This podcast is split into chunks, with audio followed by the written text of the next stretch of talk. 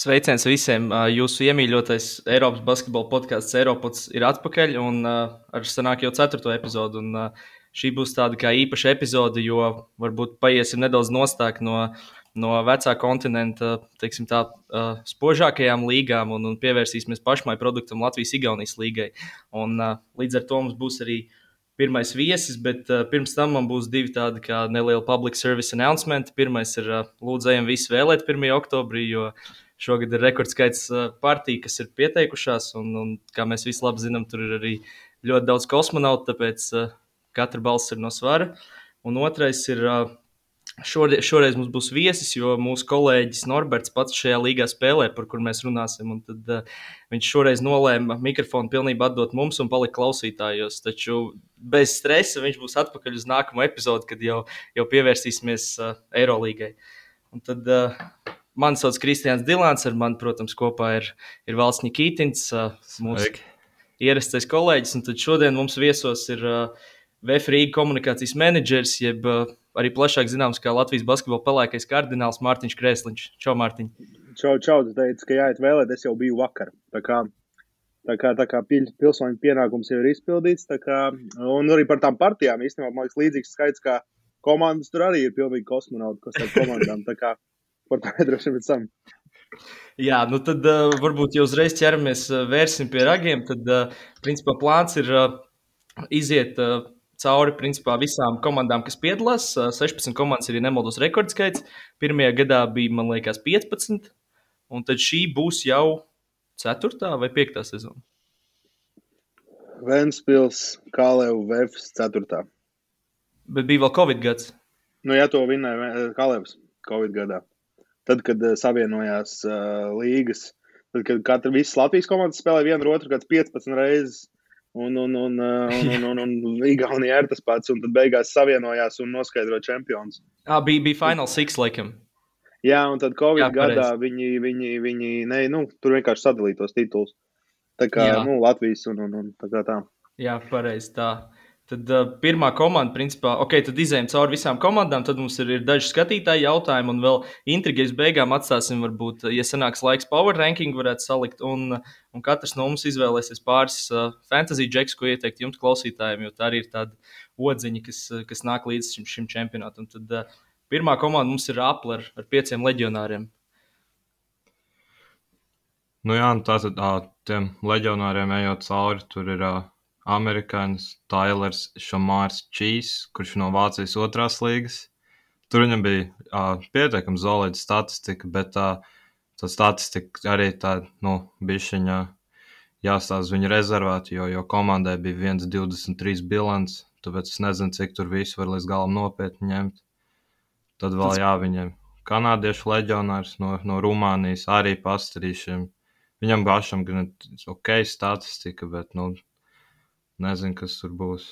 Tad uh, ir vēl uh, no bosniešu garais spēlētājs Obrats Tomičs, kurš no Bulgārijas akadēmika Plovdivu.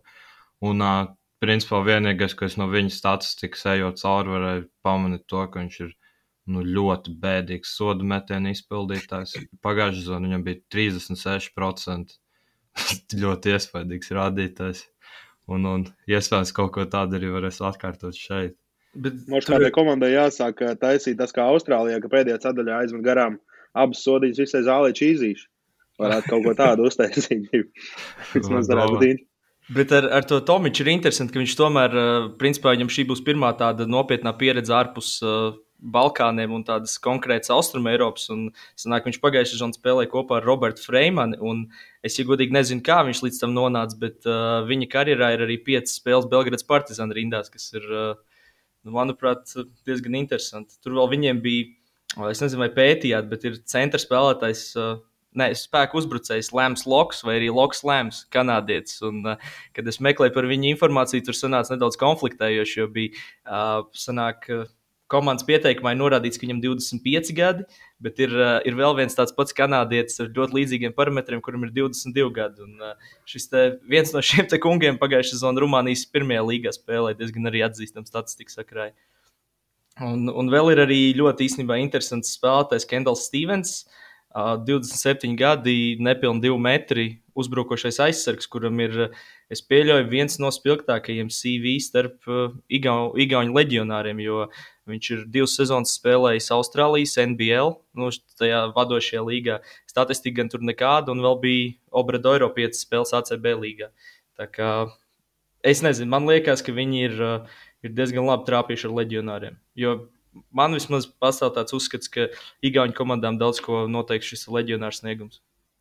Nu, Rāplē jau vispār, man liekas, viņi, man liekas, viņi ļoti reti netrāpa ar leģionāriem. Labi, pagājušajā gadā viņiem nepaveicās, ka tas, tas Mārtiņš notraumējās tur nu, lielāko daļu sezonas roku salauzuma šķiet vai plaukstu, bet viņi, man liekas, atrod visu laiku ļoti tāds inčīgs leģionārs. Un, un, un, un pagājušajā gadā visi trīs viņi patika. Es pat īsti nezinu, kā viņi netika tālāk tajā nu, resti, nu, viņi netika tālāk, tur kaut kāds punkts atšķīrās vai kaut kas tāds, lai netiktu plēfos. Tā kā ar aplēs, man liekas, ka leģionāri vienmēr ir kaut kā, kaut kā viņi pamanās atrast visu laiku. Jā, un, un šogad vēl kas jāpiemina, viņi izvēlējušies uh, spēlēt bez latviešiem. Uh, šie abi divi latvieši, kas bija pagājušajā gadā šajā komandā, šogad pārstāvēs Liepājas krāsas, atgriezušies uh, dzimtenē. Bet nu, to, tas iespējams arī skaidrojums ar to, ka šogad uh, latviešu spēlētāji vairs, neskaitā, uh, vairs neskaitās kā vietējie basketbolisti Igaunijā. Ja nemaldos, Ukrāņiem gan šāds status ir, vai ne? Jā, jā Ukrāņi ir. Jā, jā, jā. Lī, ja es pareizi saprotu, tad līdz vienam Ukrāņam. Respektīvi, otrais jau skaitās kā leģionārs. Varbūt es meloju, bet es tā saprotu, vismaz tāda bija tā, tā runa iepriekš, ka līdz vienam Ukrāņam. Un, un, un, un otrais, ja būtu Buģiveļņiks, tad varētu būt divi vai kaut kā tā. Nu, tur kaut kāds tāds, tāds bija. Bet, nu, situācija. nu, prometējiem nav tā, ka viss sastāvs ir leģionāri. Nu, es domāju, ka viņiem, ja arī tur tā, kaut kādas kvotas vai kas jāmaksā, es domāju, viņiem eh, nebūs problēmas ar kaut kādām naudām katrā gadījumā. Tas arī fakts. Un tad, eh, ja varbūt par Apple noslēdzam, eh, kāds ir kopējs verdikts? Būs playoff vai nebūs? Ja man izskatās uz robežas. Teiksim, manā, manā power rankingā viņi ir it kā iekšā, bet uh, Redzēs, kāda tā sezona būs, jo tie leģionāri savākt no, no visām vietām. Ir arī pieredzējis Ukrāņu spēku uzbrucējs viņiem. A jūs, es nezinu, jūs zināt, tie visi leģionāri spēlēja par te lūku, kur viņi knapi vinēja. Vai, vai, vai es vienkārši tā tikai garām ejot redzēju, ka viņi spēlē ar viņiem. Vai, vai, vai nav tāda informācija precīzi? Tagad tas protokols nav pie rokas, bet jā, tas īstenībā labs jautājums. Jo, ja, ja visi, nu tad, tad grūti pateikt, bet labi, tā pirmsezona tāpat tās ir tāda mānīgi parasti diezgan. Nu, var jau arī. Ar Lūju viņam bija ļoti sīva spēle. Man liekas, ka Lūija bija vadībā pēc, vai pēc pirmās ceturtdaļas vai pirmā puslaika. Beigās knapi zaudēja, bet tā tur pietiekami sīva bija. Nu, te atkal, cik tā izējot cauri, man liekas, ka viņi, teiksim, Raplē tas mīnus ir šeit īgauni spēlētāji. Tur nu, ne, nekas tāds. Kas tur kaldra, jā, droši vien. Nu, kaldra, protams, ir palicis. Tas ir komandas talismans. Man ir plāni atgriezties no viņiem. Atpakaļ. Nu, super, super. Abi, abi, abi mīļie džeki ir vienā komandā. Tas ir ideāli. Kas var būt skaistāks? Pagaidā, bet tu abi brāļi, kas ir jā, šitie te lāde, jā. Toms Kaldra vismaz nav šobrīd pieteikumā. Uh, kur tas ir aizdevies? Tā ir labi, to mēs vēl noskaidrosim. Ah, un vēl kas īstenībā interesanti par šo komandu, ko aizmirsām pieminēt, ka uh, komandu vadīs, nemaldos, Dānijas izlases galvenais treneris Arnēls Dedičs. Un, cik bija dzirdēts, tad uh, viņi īpaši meklēja, viņš tieši īpaši meklēja latviešu asistentu. Tad uh, pirmā pieredze ārzemēs šī būs Gatam Justovičam, kurš uh, Jālga vilgi trenēja un arī iecēlēja. Tad es, jā, man šeit, jā, bet es rekur atvēru bildi, jā, LU pārbaudas vēl ar aplu. Redzams, ka viens, divi tumšaidaini vīrieši ir komandā. Un, un, un viens ir tādā treniņa tērpā pelēcīgā, tā kā es pieļauju, ka kāds nespēlēja, bet, bet nu jā. Tad, tā, tā. ja ejam pie nākamās komandas, tad tā mums ir Talants Kalevs Kramo, kas pagājušajā gadā aizvadīja ļoti, ļoti sliktu sezonu priekš saviem standartiem, bet jauno sezonu tieši šodien, pirms nepilnas pusstundas, iesāka ar, ar pārliecinošu uzvaru pār C9 junioriem. Un, un, un iekļuva otrajā kārtā FIBA Eiropas kausa kvalifikācijā, kur spēlēs pret, pret Kosovas Sigalu Priština. Nu, kā reiz tikko nostījos to spēli sev foniņā. Tā kā, bet, nu, baigi interesanti nebija. Es gaidīju, ka spēlēs uh, Kruņaslavs Simons. Es bet, bet viņš, viņš tā arī nespēlēja. Nu, arī nebija pieteikumā pat. Tā kā, tā kā nu, es domāju, tur tie horvātu, bosniešu bērni nu, tas diezgan ne, grūti pateikt, vai tas baigais rādītājs mums pagaidām. Nu, Bet, uh, bet kopumā es teiktu, ka, ja mēs skatāmies uz Kalēvu komplektāciju, viņi, manuprāt, šogad ir uh, iespējams tāpēc, ka ir neliels budžeta samazinājums, bet ar tādu nedaudz citu pieeju. Jo pirmkārt, ir, ok, atkal ir paņemti divi latvieši, bet uh, no sanāk, vēl divi no atlikušiem trīs leģionāriem ir iepriekšējā sezonā jau bijušas pārbaudītas vērtības, kas ir Alterīgs Gilberts, kurš bija, bija Pērnavā, un Aleksandrs Koviļers, Ukraiņas jaunais, kurš sāka kurš noslēdz sezonu Tartu un izskatījās mm. diezgan solidi. Bet šodien viņam atkal maz minūtes beigas bija. Bet viņš iemet kaut kādus 9 punktus. Kā, kaut kāds 24. kaut kāds 9 punktus iemet.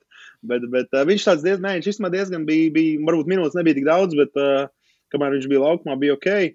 Bet, uh, nu, palielam jau tas kalēju komplektācija, man liekas, tāda, tāda kā pārnu pagājušajā gadā. Nu, tas pats treneris un, un, un tad. Uh, Viņam tas lī, līdzīgs pieejams šķiet. Un, un svarīgi arī Konončuks ir, vai Konončuks, es nezinu, kā viņš Jā. pareizi izrunājās.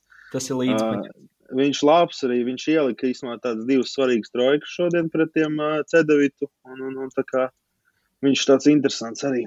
Vēl ir, ir Tāvija Jurkatams klāt no, no Vīmsiem pagājušajā sezonā, viens no vadošiem spēlētājiem. Nu, jā, viņš nāca laukumā tad, kad jau, teiksim tā, pie plus 20 parādījās pirmos soļus pēc iesildīšanās. Un uh, es arī varētu izcelt tā vēl vienu leģionāru, Vēslīs Manbeks, kurš uh, pēc iepriekšējās statistikas spriežot, viņam vajadzētu būt vienam no top skoreriem šajā līgā, jo, jo viņam pagājušajā gadā Leboro bija gandrīz 20 punkti. Bet, nu, ir tās, skatoties statistiku, viņš tiešām tīrs skorers ar piespēlēm vispār nav aizrāvies karjeras gaitā pilnībā nekur ne NCAA, ne Spānijā. Man liekas, viņam bija auga karjeras labākais rādītājs, bija kaut kāds divas piespēles, divi ar pusi. Tas tā kā labi zināmajam Jānim Kramanam arī līdzīgi pēc piespēlēm, dragā. Bet viņš tur pa bumbām kaut kādām cīnījās. Viņš priekš, priekš mazā piecas bumbas spēlē. Ir diezgan, manuprāt, labs rādītājs. Līdzīgi kā arī, kā arī Vefiņam ir Daniels Hamiltons, kurš arī ir diezgan labi. Nu, pie, pie viņa vēl varam pieskarties. Bet, nu, tas, protams, jā, tas vēl uz priekšu. Tad, nu, principā es, es laikam gribētu novēlēt Kalavam sasniegt FIBA Eiropas kausa kvalifikāciju, šo te grupu turnīru. Jo es saprotu, ka, ja viņi netiek un ja viņi zaudē, tad uh, viņi laikam spēlēs Eiropas Ziemeļbasketbola līgā. Varbūt tas jau ir apstiprināts vai nē. Bet, jā, jā viņi, viņi jau ir izziņoti, ka viņi ir Ziemeļa līgā. Tad un, tas ir neatkarīgi. No Jā, rezultātu. es skatos, ka viņiem visticamāk būs jāspēlē vai no nu Kapfenbergas buļļiem, vai ar Jonavu, lai tiktu, uh, lai tiktu tajā kausā. Nu, es pa Jonavu šaubos. Man liekas, ka tā baigi. Nu, bija atejot no Latvijas-Igaunijas līgas, tā kā es pieļauju, ka Kalevs varētu arī netikt tajā FIBA kausā. Nu, Jonavai vēl priekšā tagad rumāņu pārbaudījums, ar to. Es jā... viņiem ticu. Mārtiņš Laksa Iksiņš, kurš UFO bija teims, un, un, un, un, un liekas tāda, tāda interesanta komanda. Nu, tad uh, trešā komanda ir, uh, ejot tieši pēc, pēc mājaslapas secības, ir uh, principā laikam galvenā favorīta. Un es teiktu, ka nu, diez, diezgan stabils, kaut vai ja mēs skatāmies tīri uz papīra, uz budžetiem. Tas ir uh, Ukraiņas klubs vienīgais, kas šogad spēlēs Prometējs. Uh, Mums arī īstenībā bija, ja pirms vēl pieķeramies sastāvam klāt, mums bija uh, skatītāja jautājums, klausītāja jautājums, vai, vai Prometē vispār kādam zaudēs. Kā jums šķiet? Es saprotu, Mārtiņ, tu varbūt tādā bišķi savādākā pozīcijā esi, bet uh, kādas vispār domas par šo? Es, nu, ja godīgi, es, nu, loģiski, ka viņiem ir uh, lielākais budžets. Es pieļauju, ka uh, lielāks nekā visām pārējām komandām kopā, visticamāk. Tā kā, es nezinu, vai dzirdat, ka man kaimiņu urbi tagad, bet uh, varbūt, ka nē. nē, viss kārtībā. Viss ok, bet, uh, bet jā, nu, es domāju, ka viņi zaudēs, tāpēc, ka viņiem tomēr arī Eiro kausā, cik sanāk 18 spēles, un, un, un tur noteikti, būs tā, ka viņi atpūtinās kaut ko, un, un, un es pieļauju, ka kaut kādas spēles viņi zaudēs. Es nezinu, kam, bet uh, kādi jau zaudēs noteikti. Cerams, ka finālā. Nē, es arī piekrītu, ka kaut ko, kaut ko viņi noteikti zaudēs. Uh, Man arī bija tā iespēja šos ar Prometēju klātienē redzēt, kad uh, viņi pret LU spēlēja. Un tur man tā likās, ka viņi tur uh, pilnīgā kruīzā spēlē. Tur tie ārzemnieki vispār īsti neko neiespringa. Man liekas, viņi beigās tāpat 20 plus uzvarēja. Pat 30 un Vēnspils pat 40. Bet labi, Vēnspilī tajā brīdī, man liekas, bija soliņa mazāk cilvēku nekā Prometējiem ir amerikāņi. Tā kā nu, tur arī grūti, grūti tā vērtēt. Nu, jā, bet tā ir pēc sastāvdaļas prometēs ļoti iespaidīgi. Ukra, Pusi Ukrainas izlase, tad vēl Andrejs Balvins, kas ļoti iespējams ir vispār labākais garais spēlētājs, kas jebkad mums te ir spēlējis vietējā čempionātā. Nu, bija Dors Fišers. Nu, Dārzs Fišers atbrauc ļoti At, atbrauc negatīvs, bet uh, pēc CV es teiktu, jau, ka viņam bija labāks CV. Nu, jā, bet viņš pat bronzas nevarēja dabūt. Tad, nu, par ko mēs runājam? Kā, nu, tajos laikos jau vajadzēja Dārzs Fišers, lai bronzas vispār dabūtu. Bet, uh, bet, bet par Balvinu reāli Andrēs Šeļakovs pirmo reizi dzīvē izstījās maziņš tajā spēlē pret Ventspilu. Tā, ka viņš izstījās tiešām mazs salīdzinot ar to monstru. Tas re, reāli, nu, viņš tik, tik milzīgs ir. Un arī ne, diezgan kustīgs. Arī, arī Balvinam tas CV vienkārši viņš Seviļā ar, ar mūsu pašu Krista Porziņu spēlējis Minhenes, Bayerns, Madrids, Estudiantes, Gran Canaria, Bilbao. Nu, Nu, principā varbūt labi, ne gluži pašas, pašas augšgala blīces uh, Spānijas ACB līgā, bet nu, nu, tādas, kas principā katru gadu tur spēlē, varbūt izņemot studentus, kas tagad izkritus. Un, ok, Bilbao arī kaut kad bija izkrituši, bet vēl pagājušā sezonā Japānā, tur, kur, eh, kur īstenībā diezgan grūti nonākt, manuprāt, leģionāram no Eiropas. Tur arī diezgan solīda statistika. Bet, ja, ja nedaudz atgriežamies pie tā, vai viņi kādam zaudēs, tad, manuprāt, noteikti jā, jo es domāju, ka negribu speciāli glaimot Vēfu vai ko, lai, lai neizklausās kā, piemēram, Jurijam Žigājevam. Es laiku saku, ka viņš ir RFS cilvēks un tā tālāk, bet uh, Vēfs ir, uh, piemēram, Champions līgā jau pāris gadus pierādījuši, ka viņi ar krietni mazāku budžetu var, uh, var līdzīgi cīnīties ar, ar krietni jaudīgākām komandām. Tāpēc, uh, nu, tīri kaut vai finansiālā ziņā.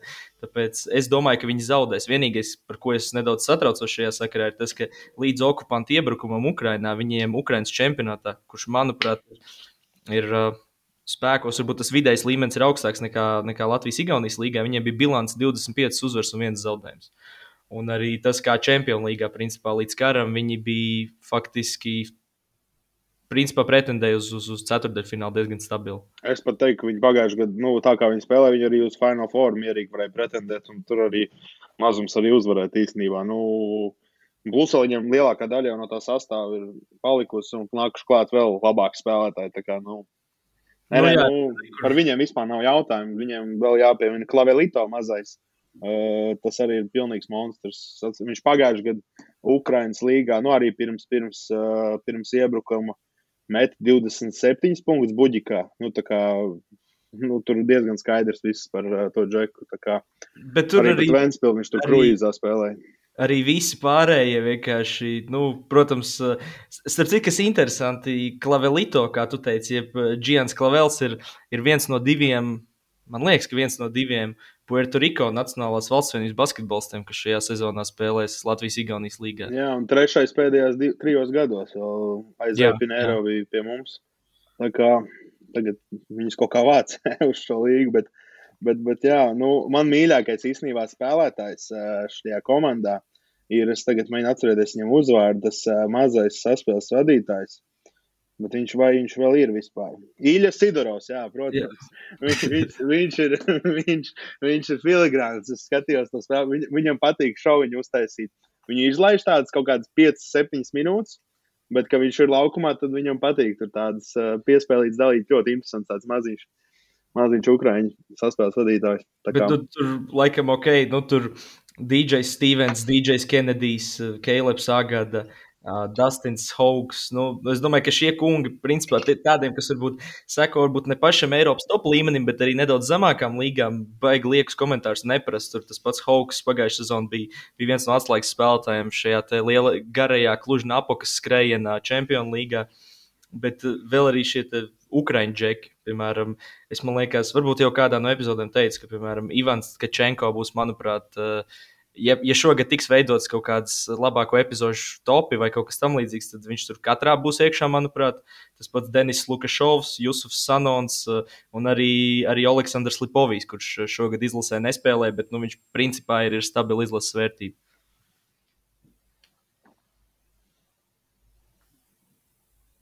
Tā ir, ir vēl kaut kas piebilstams, kungi.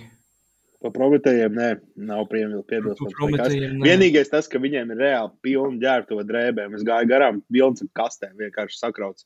Tā kā tas vēl, vēl ko par viņiem var pieminēt. Īstenībā kā... interesanti, kā tur, es saprotu, ka ka pirms, viņu, pirms viņiem atļāva pievienoties, pirms viņus uzņēma līgā, tad bija tāds uzstādījums, ka tāpat priekšroka ir gan VFM, gan Latvijas universitātē ar šo olimpisko. Viņiem kaut kāda lielāka ģērbtu viedalīt vai kas, jo viņiem arī tas sastāvs ir baigi plašais. Jā, nu viņiem ir, ja, ja, ja tā ir tā, kur viņi arī atradīsies, viņiem tieši tā kā, es nezinu, vai varbūt kādam tas kaut ko nozīmēs, ka viņi var nākt iekšā, tur meklēt viņus, bet viņi ir tā kā tieši pie, pie durvīm, ieejā zālē, tā kā, nu, vismaz garām ejot, varbūt, ka būs kaut kur citur, bet, jā, bet interesanti, kas būtu, ja vēl būtu buģiks līgā, tā kā, kā vien brīdi bija plānots, es nezinu, vai jums tur tā bija tā doma, ka viņi, nu, buģi veļņiks, respektīvi, ka viņi spēlēs Eiropas spēles kaut kādas, ja viņiem tāds būtu Romā. Un tad Romā? Latvija, jā, un tad eh, Latvijas Igaunijas līga viņa spēlēja Jelgavā. Bija tāda doma kaut kāda pavīdējusi. Bet, nu jā, tā, tāda informācija kaut Es kāda saprotu, bija. ka viņi beigās uh, piedalīsies tajā Alpu Adrijas līgā vai nē, kā, kaut kāda tam tā ir Nu, hokeja. Acīm redzot, tāpēc arī viņi Kaut kas tam līdzīgs, kaut jā. kāda Alpu līga. Jā. Bet viņi bāzēs Romā, cik es saprotu. Jā, Jā, vismaz kaut jā, kas tāds jā, bija. jā, jā, jā. Viņi ir Romā, un, un, un ja viņi būtu Latvijas Igaunijas līgā, tad viņi spēlētu ķipa Jelgavā. Un es man ļoti interesanti, kāds notika. Pieņemsim, viņi nospēlē, nezinu, otrdienā, ja viņi būtu tikuši Champions League, pēc tam ceturtdienā uz Rakveru jābrauc. Jā, uz Rīgu, tad uz Jelgavu, un tad busu uz Rakveru brauc vēl sešas stundas. Vienkārši, nu, nu, tur ļoti interesanti varētu būt. Un Tāpēc arī viņam, ka viņi nav. Tā tā. Nu, jā, es saprotu, ka tur ir kaut kāda loģistikas iemesla, vēl kaut kas, jo principā neviena komanda arī negribēja baigi tālu prom no Rīgas būt. Man, man kā Latvijam, piemēram, liktos super liepājā padzīvot, bet uh, tādām komandām, kam ar, ar tādiem budžetiem tā pilsēta laikam ir nedaudz pamazs. Um, nākamā komanda mums sarakstā ir, ir Rakvers Tārvas, kā man uh, pačukstēja mūsu kolēģi no Igaunijas, tad potenciāli vājākā komanda visā čempionātā. Es domāju, ka tur pat čukstēt nevajag. uh, Tur var diezgan skaļi to teikt. Nu, vismaz pēc sastāvā aprisēm runājot. Nu, nezinu, ar katru gadu viņi paliek sliktāk, man šķiet. Nu, ir reāli vēl pirms, sanāk, kad tur bija Kristofs Gulīts pirms divām sezonām. Viņi reāli spēlēja pusfinālā Igaunijā. Nu, tagad es domāju, ka viņi varētu būt arī pēdējie Igaunijā, pat nu, kā vietējā līgā. Tas diezgan tā reāli izstāsts kopumā uz sastāvu. Tur arī ne, neviens amerikānis nav. Tur ir Latvijas Kārlis Helmans. Es nezinu, kā viņš tur līgumu dabūja, bet nu visu cieņu aģentam. Bet uh, nepārliecina, manuprāt, arī pārējie leģionāri. Nu, ir, uh, ir 19 gadus vecs Ukrāņu spēku uzbrucējs Vitālijs Šimanskis, kurš tiešām ļoti minimāli spēlējis Ukraiņas čempionātā. Tad ir Antons Maricevičs vai Mariče, Maričevičs no Horvātijas, kurš ir, ir pagājušajā sezonā spēlējis Slovākijas čempionātā un Spānijas trešajā līgā. Un, un Slovēņu aizsargs Jans uh, Rezdevšeks, arī 21 gads Austrijas, Austrijas čempionāts. Tā kā, Nu, Es bet, zin kā, bet tur varētu kāds fantasy spēlētājs izlīst. Tā kā pagājušajā gadā Nikoličs, uh, jā, jā kurš piekrīt. div, divreiz savāca triplu dabulu rakverē, man šķiet, sezonas laikā. tā kā. Bet nu, par to pēc tam droši vien pa fantasy. Jā, bet uh, vispār komanda kopumā gados jauna, bet uh, jāatzīmē, ka, ka viens no līgas vecākiem spēlētājiem, Renato Lindemets, Lindemets joprojām ir ierindā. 38 gadi un pieļauju, ka viņam arī komandas kapteinis un, uh, un, un, un centīsies palīdzēt kaut kā. Godīgi teikšu, viens no maniem mīļākajiem spēlētājiem līgā, ko skatīties un, un, un ko pavērot. Nu, man ļoti vienmēr ir simpatizējis Renato spēle. Tā kā, nu, arī, ja tu esi Igaunis un tev vārds ir Renato, nu, kā tu vari nu, nespēlēt labi basīt? Bet uh, interesanti, ka viņš, uh, viņš šogad ir, uh, ir atzīmēts, uh, viņa pozīcija atzīmēta kā centrs. es domāju, tas ir bez šaubām. Bet, bet bez šaubām. iepriekš tik traki nebija. Tad uh, manā sarakstā nākamā mums beidzot ir, ir pirmā. Ja tev nav ko piebilst, vairs valda, piemēram, par, par šo komandu, par Rakvēru. Nē, ja godīgi, kad es veicu pierakstus, es pat šo komandu biju aizmirsis pierakstīt. Tāpēc man vispār nav nekā ko teikt. Tad uh, dosimies pie, pie nākamās komandas, kas mums ir pirmā Latvijas komanda. Tā ir uh, BK Liepāja. Uh, principā ir palicis. uh, No, no tiem, kas, manuprāt, būs vilcēji, ir palicis puses apmēram kodola no pagājušās sezonas, kas ir Renārs Birkāns, Kārlis Šiliņš un, uh, un Kārlis Žunda. Uh, Būs arī Frederiks Meinards un Jūras Vītols joprojām. Klāt ir tā, kā jau mēs pie, pie Rāplas runājot, teicām, ka atpakaļ ir Arnolds Helmans un, un Ričards Daniels Vanaks. Plus vēl komandu papildinājis Ojārs Bērziņš un Kristians Šulcs un, un daudz jaunie spēlētāji. Kāda Nu, prognoze varbūt pa liepāju? Grūti pateikt, bet uh, skatoties sastāvā, liekas, ka tā ir tāda uh, hokeja klubs liepāja pa lielam. Ja tu atver vaļā, tur sastāv, tur kad 40 cilvēku komandā ir. Tā kā ar trijās maiņās dragāt pa lielam. Nu, tur ir, man liekas, pieteikti visi arī, kas potenciāli spēlēs LBL2, ja spēlēs vai kaut kā tāda. Nu, Nacionālajā basketbola līgā šobrīd jau. Nu, jā, tur sastāvs iespējams ir bagātīgākais, bet tur tā ejot cauri, nu, reāli palīgi ir var būt puse, un tas, tas vēl ir optimistiski diezgan. Tāpēc, nu, es nezinu. Viens, ko es gribētu teikt, manuprāt, labs papildinājums ir Ojārs Bērziņš. Viņam bija jā, diezgan bēdīga sezona nogrē pagājušajā gadā Bet es domāju, ka varbūt varētu kaut kas līdzīgs Robert, Roberta Bērziņa stāstam izveidoties. Jo, jo nu, jaunats vecums bija ļoti labs, un es domāju, ka šādā komandā viņš iespējams varētu atvērties. Man vismaz to cerību. Bet interesanti, ka ar visu to, ka viņiem tas uh, it kā kodols, tie teiksim, rezultātu taisītāji ir salīdzinoši maz un nav, nav tā lielākā rotācija. Tas īsti netraucē viņiem ar uh, plus 28 vai plus 30 apspēlēt Vēnspili, kurai ierindā bija, bija septiņi tādi, nu, principā rotācijas spēlētāji. Tāpat viņi apspēlēja arī, arī Lietuviešu otrās līgas klubu un, un, un Vācijas otrās līgas komandu, kur nē, tobrīd bija Kristap... trešā, trešā, bet Kristap Ķilpa jauno komandu apspēlēja. Nē, nē, nē, tā, tā, tā jaunā. Nebija, pie citas trajautā bija vai kaut kas tamlīdzīgs, un tā, tā bija kaut kāda Nīderlandes Falkona vai, vai kaut kas tamlīdzīgs. Tie, bija, tie bija otrajā līgā. Kopumā bet, super komanda apspēlē. Tā, jā, su, superīgs džeks vinēja, bet uh, tie lietuvieši tur jāatzīmē bija Jevgens Balabans, kurš spēlē 3 pret 3 visu vasaru, tā kā Ukrainas, tā kā tas ir nodarījis svarīgs spēlētājs. Bet, uh, bet, bet, bet uh, grūti pateikt, īstenībā par to Ojāru tu teici, uh, Nu, tur man liekas, ka Jurim Vitola minūtēm ir jābūt vēl vairāk nekā bija. Un, un, un es nedomāju, ka Birčiks uh, un, un, un tie pārējie mazie spēlēs mazāk. Nu, tādā ziņā es pat nezinu, vai Ojāram tur ir. Uh, es... Nē, tik cik kaut kāds protokols redzēja, viņam tur bija ok. Nu, virs 20 minūtēm viņš spēlēja. Tā kā, es domāju, rotācijā jau viņš noteikti būs. Nē, nē tas jā, es vairāk nu, tik, tik tādu kā Robim sezonas. Tās, nu, visticamāk, nevarētu būt Robs. Tomēr, man liekas, vairāk atletiskāks, daudz un ātrāks katrā gadījumā, tīpaši priekš tā. Uh, es man Ojārs vairāk asociējos tādu stenu soku, nu, tāds, tāds, uh, tāda, tā tipa džeks. Tā kā varbūt, ka, nu, cerams, bet, bet grūti pateikt, vajag. Bet, nu, vi, visu cieņu liepais komandai, bet es viņiem laikam izslēgšanas spēles apvienotie līgā nespēju saredzēt. Nu, es varu saredzēt Latvijas līgā izslēgšanas spēles viņiem, jā. Nu, ir, nu, tur viņi varētu teikt, jā. Mums ir interesants jautājums par Prometēju. Ko viņi darīs? Uh, viņi spēlēs kā septītā komanda Latvijas līgā vai mm -mm. Nē, nespēlēs. Nebūs. Viņi nav Latvijas, viņi Latvijas līgā nebūs. Tas ir. Tas ir Abi pie tā paša Prometēja. Es kaut ko atceros. Nebija kaut kāda lieta, ka viņiem būs uh, vēl viena komanda, kas spēlē Ukrainā uz vietas tagad čempionātā.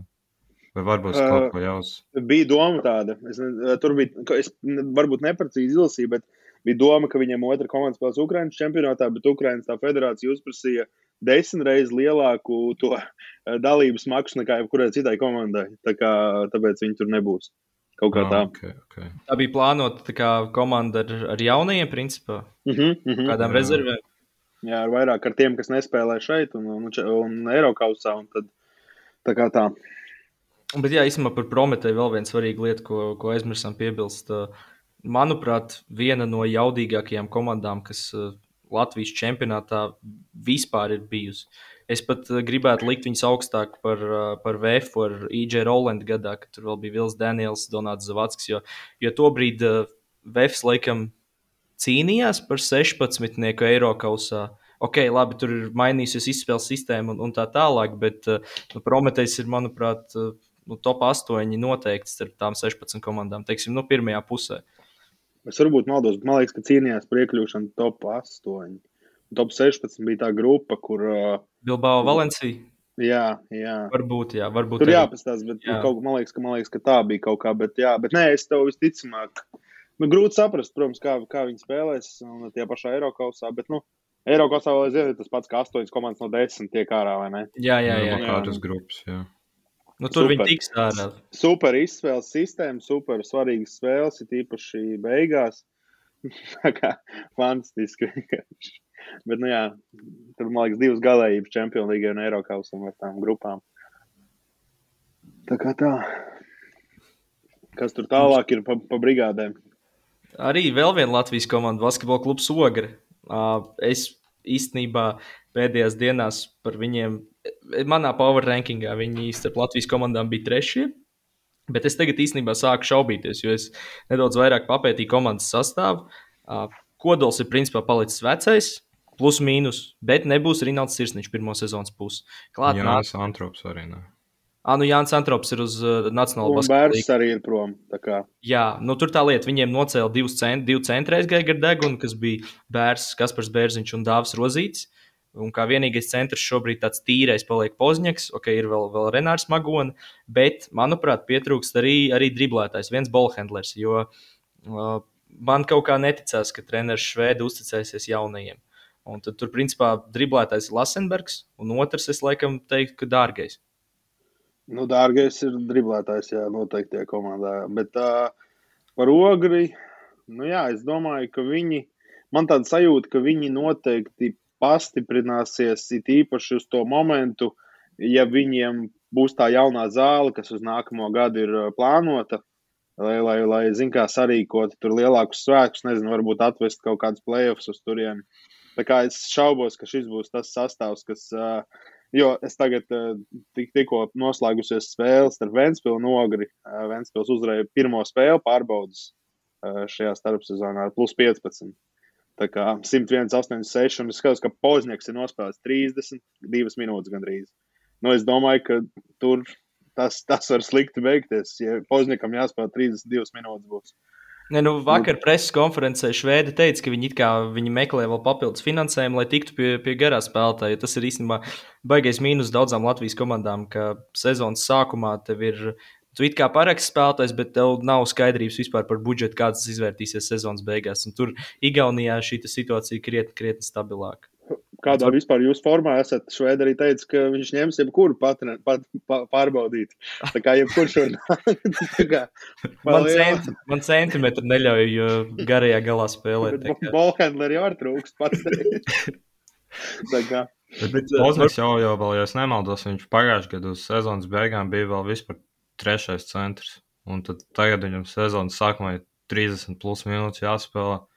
Nu, es nezinu, kas tur būs. Bet tur arī tie, tie jaunie, kas piesaistīti, tur nu, es ne, nezinu, vai kāds no viņiem tur reāls darītājs kaut ko varēs Vienīgais Pozim ir labākais pustālais metiens pasaulē, es domāju. Nu, virs diviem metriem džekiem točni, man liekas, labāk pustālā metiena nav. Varbūt bet, Durants var iebilst kaut ko, bet nu, tā, ja Pozim izmet ārā, tad pusti, es domāju, viņš vienmēr ieliks. bet viņš īstenībā sanāk, tad laikam pats vecākais spēlētājs līgā. Viņam ir skatos, 9 gadi. 9 gadi, jā. Lindemetam bija, Lindemetam bija 38, Rindim Sirsniņam 37. Kaut kādi citi pat nenāk, laikam, vajag prātā. Nav tas tur atkal, kurš pagājušajā gadā 60 gadīgais spēlēja, vai cik viņam tur bija. Valmo krīse. jā, tas viņam var vēl uzspēlēs beigās.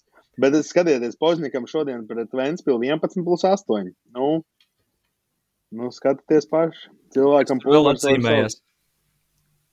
Lāsenbergam 13 asisti. Okay. 16 punkti. Rezultātīvākais runcis, jeb Magonas kungs, 21. Un, un, un tad pie Vēnspils pēc tam tad, uh, pārunāsim. Pa jaunajiem, jā, kā tu teici, jaunie iemeta pa visiem kopā šķiet uh, 8 punktus. Māliševs 5 un Lāstiņš 3. Vat es tieši gribēju izcelt īstenībā varbūt Dīdzi Māliševu no tādiem gados jaunākiem, kas tur ir, jo viņš bija, nemaldos, jau pirms divām vai trīs sezonām tur kaut ko uzspēlēja, tad viņš bija LU sistēmā, tagad viņš atgriezies, tad es domāju, ka ņemot vērā to, ka Ogri ir viena no pieredzējušākajām komandām līgā, tad uh, es domāju, ka viņš pie septiņām, desmit minūtēm mačā varētu tikt. Par citiem jaunajiem es nebūtu tik drošs. Nu jā, bet viņam komandā ir kaut kāda plus mīnus 5, 6 spēlētāji, kuriem potenciāls ir 7, 10 minūtes. Un es nezinu, tas vajag tomēr kaut kāds reāls. Nu, viņš, šo, viņš šodien 17 nospēlēja. Tā kā, tā kā, tā kā laukumā. Nu, jā, varētu būt pat būt vairāk, jā. Um, Vēl interesanti, Ernests Kalvs būs asistents Uldim Švedam. Atgriezies no Zviedrijas, kur viens no, manuprāt, visu laiku talantīgākajiem latviešiem, kuram, diemžēl, potenciāli pierādīt neļāva traumas. Kā redzēsim, varbūt treneru karjerā izdosies uh, kaut kas Varbūt spilgts. beigās būs jāspēlē. Viņš, es nemaldos, arī uzspēlē pārbaudas spēlē pret tās bijušo klubu. Jā, jā, jā, bet nu, man četras punktus iemet, tā kā, tā kā neko, neko Nē, divus bet- katrā gadījumā. Viņi, ja ņemam vērā, ka ogrē ir problēmas garajā galā, nu, kāds, kas uz desmit minūtēm iedod atslodzes ar ceturtajam numuram, es domāju, nebūtu nevajag. Jāsauc atpakaļ Mihāls Klebovickis no RSU sistēmas, es domāju. Viņš jau tagad polijā esot, ne? Jā, nu tā kā, tā kā jāsauc atpakaļ Mihāls un, un, un lai dragā. Arī Laura Blauza zaudēja starpsezonā, kurš tagad uh, vismaz šodien redzēju Instagram storijā, Lūtrēnē garos spēlētājs. Pats pats vairs nespēlē. Viņš noderētu arī, ja būtu gatavs spēlēt. Es īsti nezinu to, to stāstu līdz galam, bet uh, tad, kad Ogri izziņoja Laura piesaisti, tur bija, bija rakstīts, ka viņam ir divu gadu līgums. Bet, uh, cik noprotams, tad šobrīd ir uh, profesionālā karjera noslēgta, un, un, un, un viņš trenēs Latvijas universitāti. Kā jau tas ir stāstījis, redzams, tā kā laikam nekāds baigais noslēpums tas nav. Mm -hmm. Tā kā Turpinās- Haralds Kārlis apvienojies ar Lauru Blau. Jā. Tā kā tā. Turpināsim ar vēl vienu latviešu komandu. Tā ir BK Vēnspils vicečempioni un arī pati pirmā apvienotās līgas uzvarētāja. Uh, šogad tikai divi leģionāri. Pagājušajā gadā bija laikam sezonas sākumā trīs. Tā varētu būt. Kas, kas bija pagājušā sezonas sākumā viņiem? Lerijs Tomas. Kristīņins. Kaut kas vēl, man liekas, bija. Majausks bija sezonas laikā. Jā. Varbūt arī, ka bija divi tikai sākumā. Ok, ok, ok. Man šķiet. Man liekas, ka Majauskas pievienojās. Man liekas, ka bija divi. Un Majauskas pievienojās. Tā kā tā. Majauskas viens no Budļveļņika līderiem pēc tam šogad, tagad vismaz Champions League tajā. Tā kā varbūt, ka viņš bija labāks nekā viņš spēlēja pagājušajā gadā, visticamāk. Nē, viņam pārsēdējuši pagājušajā sezonā. to Viņš bija tāds, nu, teikšu, godīgi, bēdīgs. Ļoti bēdīgs. es nezinu, kā viņš tur tajā būtu veņā, kā, ja buģikā vispār līgumu dabūja. Nē, nu, atsevišķās spēlēs jau bija ok, bet viņš arī pirms tam bija Anglijā diezgan, diezgan labi statistika Londonas lauvās, kas tagad būs Eiropausā. Un... Iespējīgi, iespējīgi. Bet, nu, Vēnspīlī klāt ir Edmunds Elksnis no Tartu. Un pirmo reizi Eiropas tādā profesionālajā basketbolā debitēs, uh, laikam, nu, 97. gads, nepateikšu precīzi, kad dzimšanas diena, bet Matīs Kulečkovskis. 1. kuram bija- oktobris. 1. Pir- oktobris. Viņam tūlīt jau tieši uz sezonas sākuma varēs svinēt svētkus. Kā reiz viņiem tieši, man liekas, viņiem ir otrajā pirmā spēle Ventspīlī. Tad, principā, varēs sev pasniegt dāvanu dzimšanas dienā, debitēt profesionālajā basketbolā ar uzvaru. Bet uh, prom ir Kristaps Čilps, kurš ir uh, Vācijas Bundeslīgas kluba sistēmā. Principā pārējais kodols ir palicis plus mīnus nemainīgs. Izdevās arī Gunts Sīpoliņu noturēt. Andrejs Čeļakovs joprojām tur ir. Tas izklausās tik interesanti, ka izdevās es- noturēt. nē, nē, Nē, es biju- sapratu, ka tur laikam pastāvēja kaut kādas, kaut kādas iespējas, ka viņš dosies prom vai kaut kas tamlīdzīgs. Nu, tur tik sīki detaļās nezinu, bet tāpēc saku, izdevās noturēt. Ar to sausēs, šo- protams. Gunts šodien, nu, bet Gunts ļoti labs ir priekš Latvijas. uh, Nē, man arī, manuprāt, tiešām tas ļoti kustīgs garais var aiziet garām, var iemest visu. Nu, 19 plus 11 šodien pret, pret Ogri, Guntim. Plus Edžo, kur nevar zem 20 punktiem atstāt, kā viņš pats teica. Šodien tieši 20 ielika.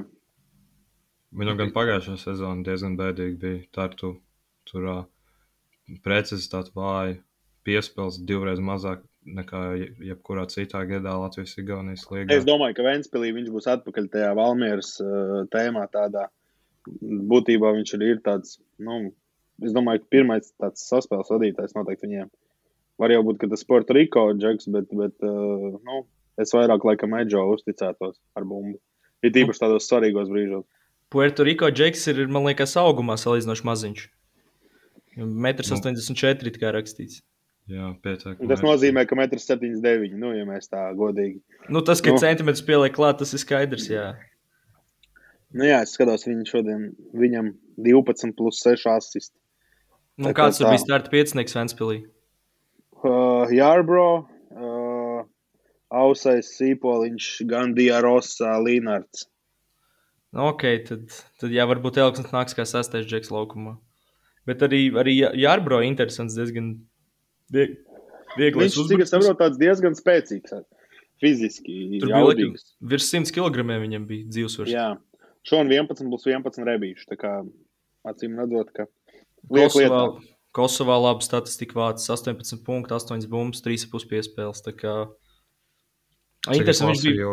Instagram postu, sāk, kad Vēnspils iz, izziņoja savus spēlētājus. Viņi par visiem, leģio, no abiem diviem leģioniem rakstīja, ka viņi ir interesanti. Tad mēs vismaz zinām, ka nebūs garlaicīgi spēlētāji. Tas parasti ir, zini, kā tas parasti ir tad, kad tev, nezinu, uztais kāds uh, vakariņš kaut ko, nu, kaut ko jaunu pamēģina, nu, vai garšo. Nu, tā ir interesanti. interesanti garšo. Un tas ir tas. Bet tieši šo pašu bioloģijas skolotāju stāstīja vidusskolā, ka, ja, ja tev kaut ko uztaisīs, un, un, vai arī tu kaut ko uztaisīsi un saki, ka ir interesanti, tad, nu, principā, tev galīgi nav izdevies. Bet uh, Vēnspils, manuprāt, uh, ja vēl pie, pie, atgriežamies vēl nedaudz pie ogres, tad uh, Vēnspils un, un Ogra, laikam, vismaz manuprāt, tāpat būs tās. Es par Ogru, protams, nedaudz šaubos, bet laikam tomēr būs tās Latvijas top 3 komandas. Tad vai jūs šīm komandām redzat izslēgšanas spēles apvienotajā līgā? Nu, Ventspilī absolūti. Es domāju, absolūti Ventspils. Es pat domāju, ka viņi visticamāk arī būs Final Four. Nu, es domāju, ka ir jābūt. Pagājušais gads, es nezinu, vai tas bija pārpratums vai kā. Nu, abas tās spēles pret Imsī viņiem ļoti sūdīgas bija, un, un, un es domāju, ka viņi būs atpakaļ Final Fourā. Nu, es domāju, ka viņi noteikti gan jau papildināsies. Es tā ceru, lai, lai, lai būtu vēl labāka komanda. Un, un, un. Tā kā es domāju, ka būs Final Four. Jā, uh, es arī domāju, ka jau izslēgšanas spēlēs vajadzētu tikt. Nu, nevajadzētu palikt aiz, aiz sešām igauņu komandām. Tas būtu diezgan. Nu, jautājums, uz ko viņš, uz, jautājums, uz ko viņi trāpītu, pieņemsim, tie ceturdaļu finālā. Nu, tā, viņiem būtu jābūt vismaz, nu, vismaz piektajiem, ceturtajiem, nu, tā, kopvērtējumā, lai, lai, lai. Lai gan arī Kalevs grūti jau pateikt, kāda viņi būs šogad. tā Kā, vispār jau grūti kaut ko tā. Prognozēt, izņemot to, ka Prometējs ir uh, nobarikādējies vienkārši ar tādu sastāvu, ka, nu, Nu, uz papīra man izskatās, tas uh, divnieks ir skaidrs, plus mīnus regulārajā sezonā. Tas, ka, ka tas ir sports un, un neko nav iespējams prognozēt, un ka tā visticamāk var arī nebūt, tas arī ir skaidrs. Bet, nu, man laikam gribētos teikt, ka Prometējs ir klase augstāk par visiem, un tad Vēfiņš arī ir tomēr nedaudz pāri, pāri pārējiem. Nu, tagad beidzot atgriežamies pie Igaunijas komandām. Līgas jaunpienācēja Keila. Uh, tur arī būs viens latviešu leģionārs. Mārcis Vītols, kurš sevi jau pārbaudas spēlēs, pieteicis kā, kā īstenībā tādu izteiktu līderi. Divreiz ir virs 30 punktiem samets. Uh, bija arī nedaudz ne, neprecīza informācija, ka šajā komandā varētu spēlēt arī Rains Veidemans un Stens Soks, bet, uh, kā mēs jau noskaidrojām, viņi būs. tālāk Kal- Kalevs Audentes. Kas jums varbūt par šo komandu? Kādas domas, pārdomas? Es izgāju cauri tam uh, sastāvam, visiem tiem igauņu spēlētājiem, kas viņiem pieteikti. no visiem viņu pieteiktiem igauņiem uh, tikai viens ir reāls Kristi, Kristens Kasamets, ir reāli spēlējis Latvijas-Igaunijas līgā. Neviens cits tur īsti nav spēlējis. Tad vēl, man liekas, Ra- Rakverē, jā, bija pagājušajā gadā. Jā, man liekas. Un uh, tad vēl amerikānis Ričards Laku. Viņš ir pataisno no NCA, bet uh, tur viņš arī tur viņš minimāli spēlēja. Nevienā sezonā viņam pat nebija 10 minūtes vidēji mačā. Un, un tad vēl uh, man liekas interesants. Uh, Nē, es redzēju, ka viņš spēlē, bet tā uh, Matejs Raduničs, uh, Horvāts, kurš uh, no Ukrainas līgas atbraucis. Tur viņam pagājušā sezona bija diezgan respektabls, 1, 11 plus 5 vidēji mačā. Un, un pēc statistikas spriežot arī ar, ā, ar saviem 2-12, viņš var arī tālmetienus izpildīt. Un, protams, vēl Mārcis Vītos, kurš tur būs, bet nu, vismaz oficiālā pieteikumā vēl ieraksta dienā viņš vēl nebija ielikts. Tur, kā man teica, tad vienkārši kaut kas, kaut kāds negluži aizkavēšanās papīriem, bet vienkārši nav vēl viss tā kā līdz galam salikts. Bet nu, tas, ka viņš tur būs un spēlēs, tas ir vairāk nekā skaidrs. Tur, tur vēl kaut kas esot iztrūcis šeit komandai, bet no leģionāriem tas būtu būt plus mīnus viss, varbūt, varbūt kāds igauns. Es domāju, ka viņi būs, varētu būt diezgan interesanti tādā ziņā, ka viņiem nav daudz spēlētāju, kam spēlēt. Un, un, un tur, es domāju, Mārcis vienkārši jādragā, ar to Horvātu pikīts. Un es domāju, tur var arī viņiem abiem nenormāls statistikas būt kaut kādās spēlēs. Mārcis ir točs. Fantāzija sakarā varbūt jāpasako šim te duetam. Jo izslēgšanas spēles es viņiem arī teikšu, ka es neredzu. Jo Pats projekts īstenībā simpātisks. Uh, arī uz sporta skolas bāzes būvēta. Viņiem ir apakšā visa piramīda. Uh, nemaldos, Keila un Vīms ir šīs divas vienīgās komandas, kurām apakšā ir, ir pilna piramīda, sākot no jaunatnes, uh, no jaunatnes jaunākajiem vecumiem. Vai tad Audentis arī no sporta skolas? Nu, viņi piesaistījās klāt pie Tallina. Jā, tā kā. Ah, okay. Nu, šīs Bet ir divas kopumā- kopumā, jā, tad sanāk trīs it kā. Bet, nu, Nē, nu tas arī var būt salīdzinājumam, apmēram, kā LB Nacionālās basketbola līnijas LU komanda ir laikam sasaistīta ar BS Rīgu, lai gan tur tā sasaistā diezgan nosacīta. Nu, varbūt nezinu sīkumos, bet nav tā, ka tur visi, teiksim, BS Rīgas uh, U19 džeki spēlē, tad LBL2, kā tas bija agrāk, kad bija pārdauga, kad Visautskas Rubens tikko sāka trenēt. Mm, Nākamā mums ir atkal uh, Latvijas komanda. Iespējams, šim podkāstam uh, vistuvākā Latvijas Universitāte. Tā kā, kas par viņiem sakāms? Jo es varu uzreiz pateikt, ka ir, ir arī viens no pilnākajiem sastāviem. Ir ļoti daudz jaunu spēlētāju pieteikti, bet no tādiem izceļamākajiem, manuprāt, klāt nākuši salīdzinājumā ar tiem, kas pagājušajā sezonā nebija. Tas ir uh, 2U20 izlases basketbolists Toms Skuja, Gustavs Jakubauskis un uh, Daniels Smirnovs, kurš, bija, kurš pagājušajā gadā īstenībā dabūja pieredzi apvienotajā līgā Tallinas Kalevas rindās. Nu, par šo komandu viņiem vēl uh, galveno treneru nomainīja starpsezonā. Un, Mhm. uh, tur, tur tad, uh, man liekas, Gunāram Gailītam uh, šī būs pirmā pieredze Latvijas-Igaunijas līgā kā galvenajam. Tāpēc jā, lai viņam veicas. Un, un kas vēl man nav? Man liekas, ka viņiem ir ļoti daudz mazo spēlētāju. Nu, tur, man liekas, ļoti liela pārprodukcija ir viņiem. Tur uh, Vitoļs, Miglinieks, Skuja, Kampus, Briedis, uh, mūsu kolēģis Strautiņš, tad vēl Lūcis un Jakubauskis. Nu, es, es, es, es, kā, es personīgi nezinu, kur viņus visus var reizē laukumā salikt. Bet tā, nu, tā tur cerams, ka treneris kaut ko izspriedīs. Nu, nu, es lieku uz Miglnieku. Viņam labi TikTok tagad ir uh, visādi interesanti. Viņš skatījos uh, spēli. Es nezinu, kaut kādā studentu pasākumā, kur bija RSU pret Lūtas fināls. Miglnieks baigi pārliecinoši izstāsta. Nu, tāds tīri. Uh, Nobriedzis pie stila, labā, pielicis ir slīvs. Ne, tas pat nav ne joks, nekas, bet es domāju, ka viņš varētu kaut 13, 14 mest. Ir īpaši tāpēc, ka nav šogad uh, avotiņš Edvards. Tā kā Un Nu, nav arī teiksim- Alberts Putāns, kurš, Jā, ir, uh, jā. kurš ir VFam pievienojies.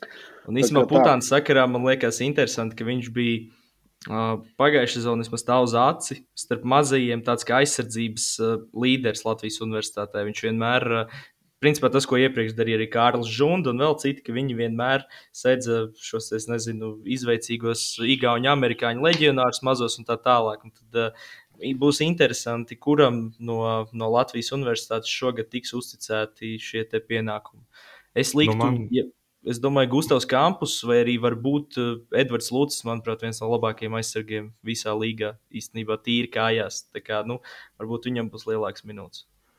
Man liekas, viņi tur var tīri sadalīt šos pienākumus, jo Ed Edvards Lūcis viņš arī jā, uz uh, LBL plēfos pagājušajā gadā diezgan daudz spēlēja. Aizsardzībā lieliski darbojas, bet to, to viņš vienmēr aizsardzībā lieliski darbojas. Tur, man liekas, nevienam pārsteigums nebija. Un, uh, jā, un es par uh, Edvardu Avotiņu vēl gribēju pateikt, man personīgi bija ļoti liels pārsteigums, ka viņš uh, lika punktu teikt, profesionālam basketbolam, jo nu, tā tīri uz papīra pēc uh, kādām fiziskajām dotībām, atletismu un vispār. Viņš bija ļoti iespējams pat talantīgākais spēlētājs komandā. Un tad uh, viņš vienkārši izdomāja beigt, kas man, man likās tas diezgan interesants, tāds radošs lēmums. Es biju pārsteigts. Jā. Nesen padzirdēju, ka viņš atgriezīsies Čakavā LBL2. Tā kā varbūt nav pavisam gluži gals profesionālajai karjerai, varbūt vienkārši ietur, teiksim, pauzi vai kaut ko tamlīdzīgu. Bet, Čakā var akvēra varētu vinēt, es domāju. Tā kā, nu, nu, labi, tas tāds joks, protams, bet, uh, bet, nu jā. Bet uh, arī varbūt prognozējot, uh, grūti redzēt, kā LU varētu cīnīties par, uh, par izslēgšanas spēlēm. Taču tad, pēc tam, vēlāk, kad būs Latvijas, Latvijas čempionāta playoff, tad uh, es pat teiktu, ka viņi var pārsteigt tieši Latvijas komandas. Es domāju, ka viņi var uz Latvijā tieši uz tādā, tādos plēfos, domāju, ja ogri īpaši nepapildinās, es domāju, ka viņi uz, uz bronzas pat var tēmēt. Man liekas, pietiekami, pietiekami reāls mērķis sezonai viņiem. Jā. jā, es domāju, ja, mēs skatāmies tieši šodien, no 27. septembrī uz sastāviem, tad jā, bet es tāpēc saku, es progu neesmu drošs, ka viņi nepapildināsies. Nu, zin, nu, es domāju, ka tur pilsētā arī pietiekoši ambīcijas, lai, lai, lai vismaz to medaļu dabūtu, un, un, un, un, un tas tam pašvaldībām diezgan svarīgi, tomēr tīpaši nu, nosacīt mazākām pilsētām. Tad es domāju, ka droši vien, ka jau beigās ogra būs Es, svarīgi, svarīgi tas ir, bet man liekas, ka Ogrei drīzāk lielāks mērķis nu, ir vienkārši iekļūšana finālā. Ko viņi pagājušajā gadā bija ļoti tuvu un vispār nu, ir sajūta, ka it kā nāk tuvāk un tuvāk, bet tas kodols jaunāks nepaliek. Un tur būs īstenībā interesanti, kas, kas notiks pēc tam, kad, kad kodols izjūgs, kas jau ir cik jau gadus spēlē kopā. Bet man liekas, ka to Tas ir tāds, kaut kas tāds, par ko runā jau kādus četrus gadus. Jā, jā, jā. jā interesanti, kad ograi tas kodols beigs spēlēt. Un tad mēs šodien skatāmies, ka Pozņikam vienkārši 11 plus 8 pret Vēnspili. Nu, nu, Pozņiks noteikti nebeigs. Pozņikam noteikti vēl ir bākā, es teiktu, četras sezonas mierīgi. Viņš vēl var spēlēt. Bet, es negribu, negribu izplatīt kaut kādas baumas vai kaut ko, bet kaut kur likās, pausu galam bija dzirdējis, ka viņš it kā arī bija nu, nu, 39 gadi. Tomēr nu, tā profesionāla karjera iet uz beigām, bet redz, ka tomēr spēlē vēl vienu sezonu. Nu, un cerams, arī izdosies, jo principā tā, ka viņam minūtes dod, viņš ir produktīvs.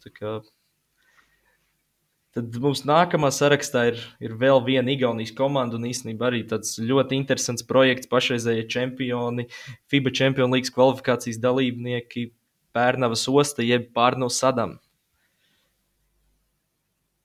Nu, Pārnavā pagājušajā gadā bija arī Latvijas Antris Misters, kurš, diemžēl, uz Rumāniju aizbraucis, un, vietējā čempionātā mēs viņu vairs neredzēsim. Bet, jā, Pērnavas spēlē Champions League kvalifikācijā kur viņi kaut kam zaudēja. Es neatceros, kam. Austriešu, austriešu komandai sūdzoties, Jā. ka tur ir sots, vēl kaut kas nenosilp neko, un tie iemet brīvu leju pēdējā sekundē. Tā kā, jā, tā kā tur tāds interesants beigas viņiem bija.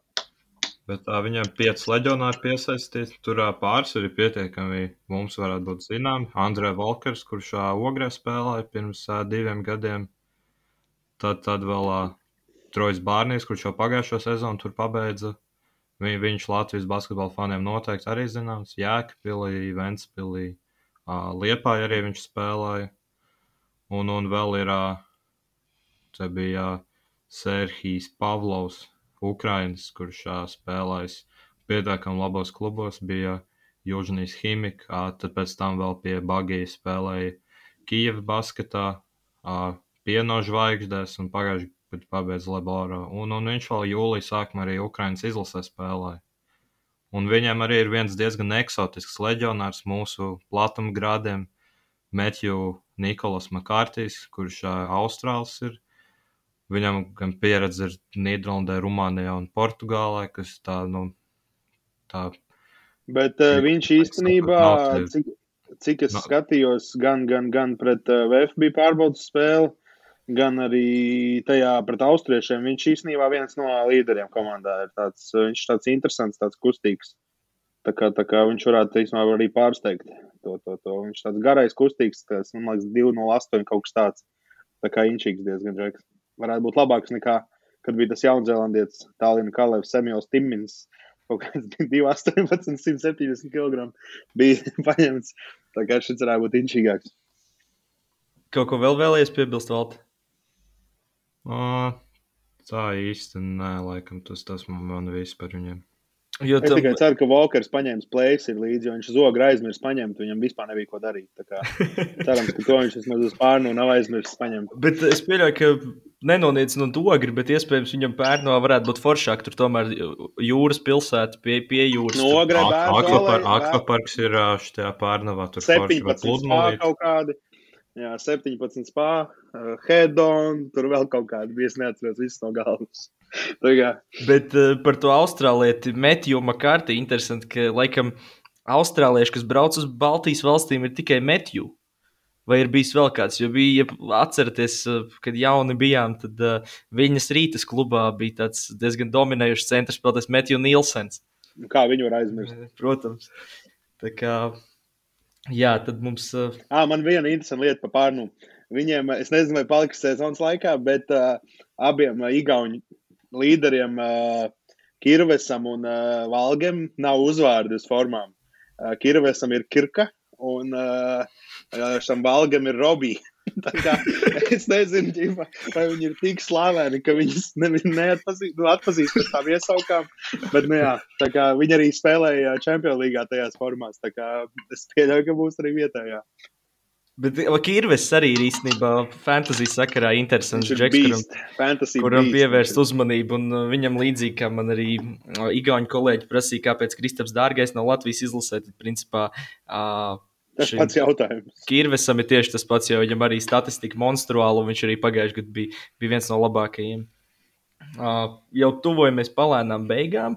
Un tad mums ir vēl viena, nu, ja tā var teikt, pusdebitanti, kurai jau pieskārāmies, uh, Kalevs Dentes. Kalevs pagājušajā gadā bija principā amatieru komanda. Es saprotu, viņi tur trenējās bezmazliet divreiz nedēļā. Tur bija arī divi latvieši, kurus, par kuriem nemaz nav ne jausmas, kur viņš šobrīd spēlē. Mārcis Ziedņš ir LU. Nē, ah, tad trīs, trīs latvieši pareizi. Uh, Mārcis Ziediņš vēl bija un Edvards Hāzners. Nē, esmu Jā. neko dzirdējis. Nu, Bet... Vismaz oficiālajā mājaslapā Kalevau Dēntas pašlaik ir ļoti bagātīgs pieteikums ar uh, trīs spēlētājiem. Gatavojās Top Gun, vai kā saucās? No kuriem divi ir trīs Latvijas līnijā. 5. gadā pirmajā. Ir Georgs Alemans, uh, Georgs Metsaurks un Arthurs Evestus. Diviem no šiem ir 17 gadi, un Alemanam 21. Viņš pagājušajā gadā jau spēlēja kaut kur, vai tik ne tepatās. Alemans tepat bija. Viņš bija pa sešām naudiņām nācis fantāzijā. Es atceros. Uh, bet, uh, bet, bet, bet viņiem, jā, viņiem ir pieredzējušie džeki klāt. Es domāju, ka viņi īstenībā šie var pārsteigt un, un, un pat būt kaut kādi astotie, ja tie pieredzējušie labi spēlē, tīpaši Veidemans. Un ja viņš nespēlēs ar laustu roku vai ko viņš tur darīja pagājušajā gadā, Viņš ir viena roka trojkas. Esot, viens... esot viss ārstēts, bet uz izlases kā... nepaspēja. Tā kā esot viss kārtībā. Tā kā es domāju, ka viņi varētu būt inčīgi. Ir kāju punks, kangurs arī sež. Viņš nav vecāks. Man liekas, kanguram ir 40. Kangurs, kangurs varētu būt, bet uh, tūlīt apskatīsimies pussekundīti. Tā kā šitie baigi daudz nav, pa ko viņiem teikt. Es domāju, ka pieredzējuši varētu būt, varētu būt interesanti katrā gadījumā. Valter varbūt var iesākt par uh, Tartu Rokas. Nu, kāds Tartu Rokas, bļā, viens tie laiki jau garā mums ir. Cits tāds atgriežas Latvijā. Georgija vai kā ir sauc. Jā, varbūt vēlēs iesākam ar. Par Tartu viņiem komandā ir četri leģionāri, no kuriem ir Jēlens Maklauds, no, kas Portugālē spēlēja. Viņam bija 17 punkti pagājušajā gadā, un, un tādēļ viņam CV ir Lielbritānija un Lielbritānija Vācijas otrā līga. Tad vēl ir uh, Brendons Johnsons, kuram uh, pirmais gads. Kaut gan par Brendonu Johnsonu es neesmu pilnībā drošs, viņam tiešām bija pirmais gads Eiropā, jo, kad es meklēju, piemēram, uh, Pro Ballers mājaslapā, tur bija Brendons Johnsons kaut kā 20. Man liekas, ka es atradu īsto, bet es nevaru pilnībā apgalvot, ka tas tiešām ir īstais. Bet, ja tas ir īstais, tad viņš tikko koledžu pabeidzis. Tas ir drēdiem, vēl, ne? Jā, jā, bija ar drēbēm. Nu, tur augums aptuveni sakrita un gads, tāpēc es pieņemu, ka tas varētu būt īstais. Bet īstenībā tas pro bālers ir mānīgs, jo vajag real GM skatīties. Jo reizēm ir šī tā te, ka pazūd kaut kādas tās līgas, kas pro bālers nepatīk. Ķipa. Un, un, un tad, jā, es, kur, man liekas, ka atradu viņu. Viņš kaut kur ir spēlējis Lienēros, Venecuēlā izskatās. Ka ir visticamāk, ka vasarā, jo Venecuēlā vasarā zipā. Tā kā No, Bet rekur... Viņam ir Tom, Tomas vai Tomašs Pavēlka, es nezinu, kā viņam vārds pareizi izrunāt. Slovāks, jā. Jā, viņš no Leboro. Viņu mēs arī pret Latvijas izlases redzējām. Man liekas, gan, jā, gan jūnijā, gan arī pagājušajā gadā novembrī, ja nemaldos. Man liekas, novembrī viņš nebija toreiz. Moš kļūdos. À, nu tad mēs Valmērā noteikti viņu redzējām, kad bija pārbaudas spēle pret Latviju. Rekur viņš tikko, viņš tikko pret VF 17 plus 7 savāds.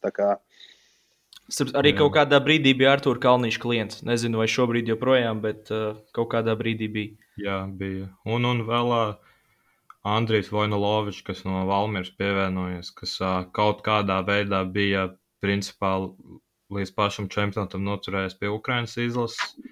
man personīgi neizprotamu iemeslu dēļ. Nu, tā, viņš, viņš būs startu. Un, un nu jā, Tartu vēl pazaudēja pagājušā gada līderu Vembi, kurš aizbrauca uz Francijas otro līgu, jau, jau debitēja. Viņu izpirka pat, izpirka pat, iedomājieties, no Tartu izpirka spēlētāji. Tā kā Igauņu komandas ir darītāji. Nu, tā. Un, protams, Bet... pēc stūres uh, Koļa Mazurs palicis.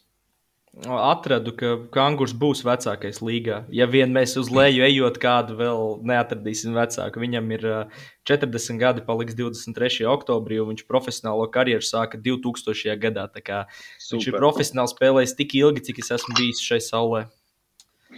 Tad, uh, Par īstenībā par Tartu, ko es varu piebilst, ir tas, ka viņi baigi gados jauni. Uh, tikai šie divi leģionāri, Maklauds un Džonsons, ir vienīgie, kam ir virs 24 gadiem.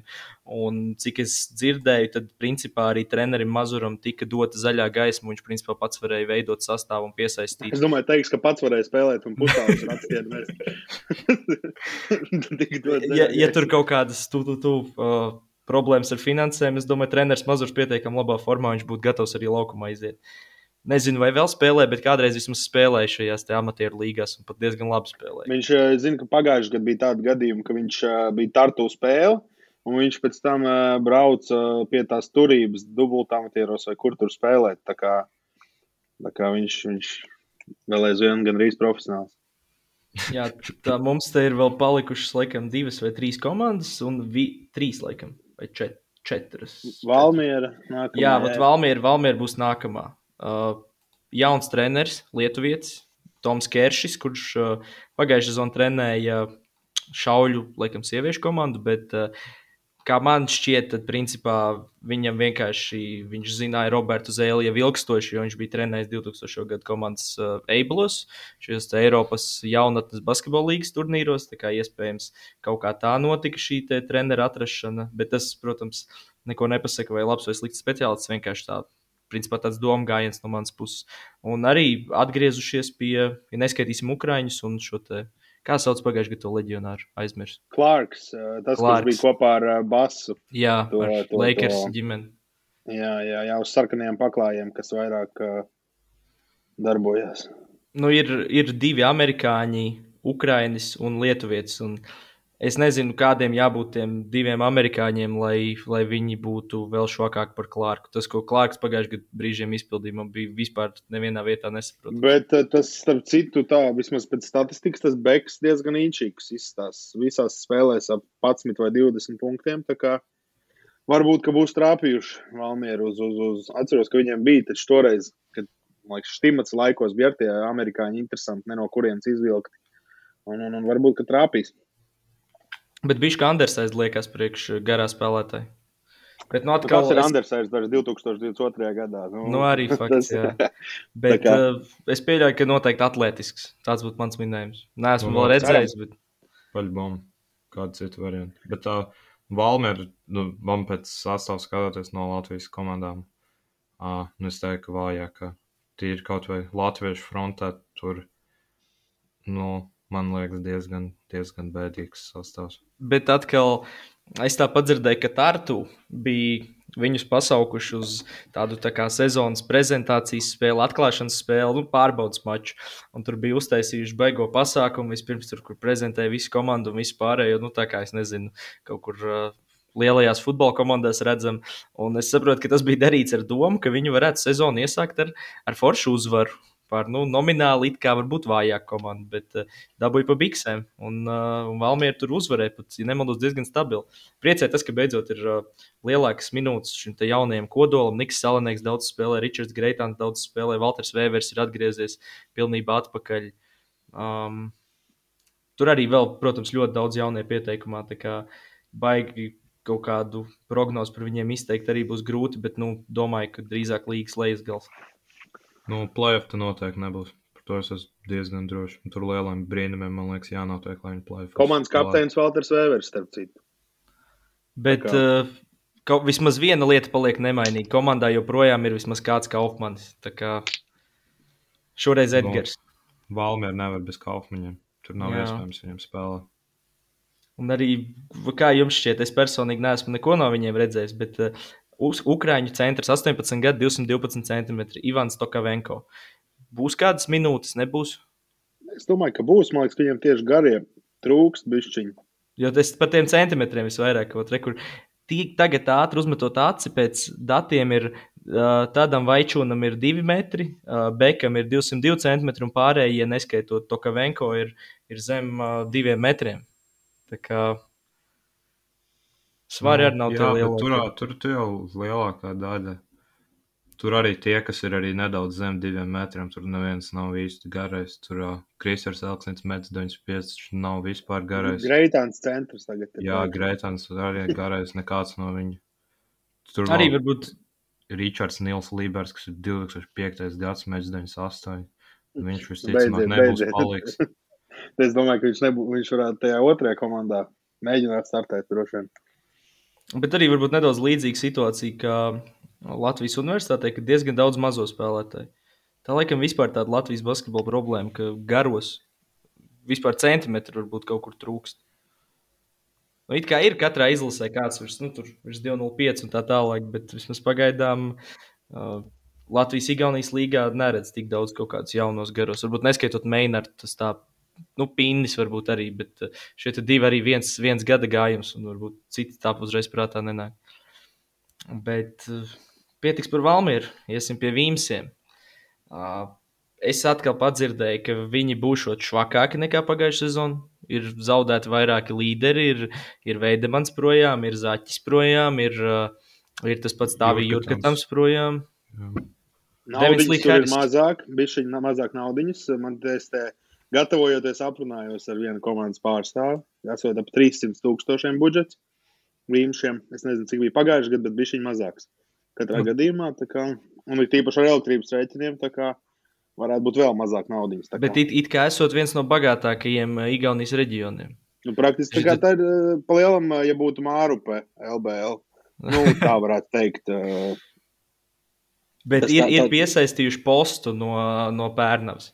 Tas Viņš ir arī forši. Bija, bija fantāzijā kādu brīdi ļoti labs mazais.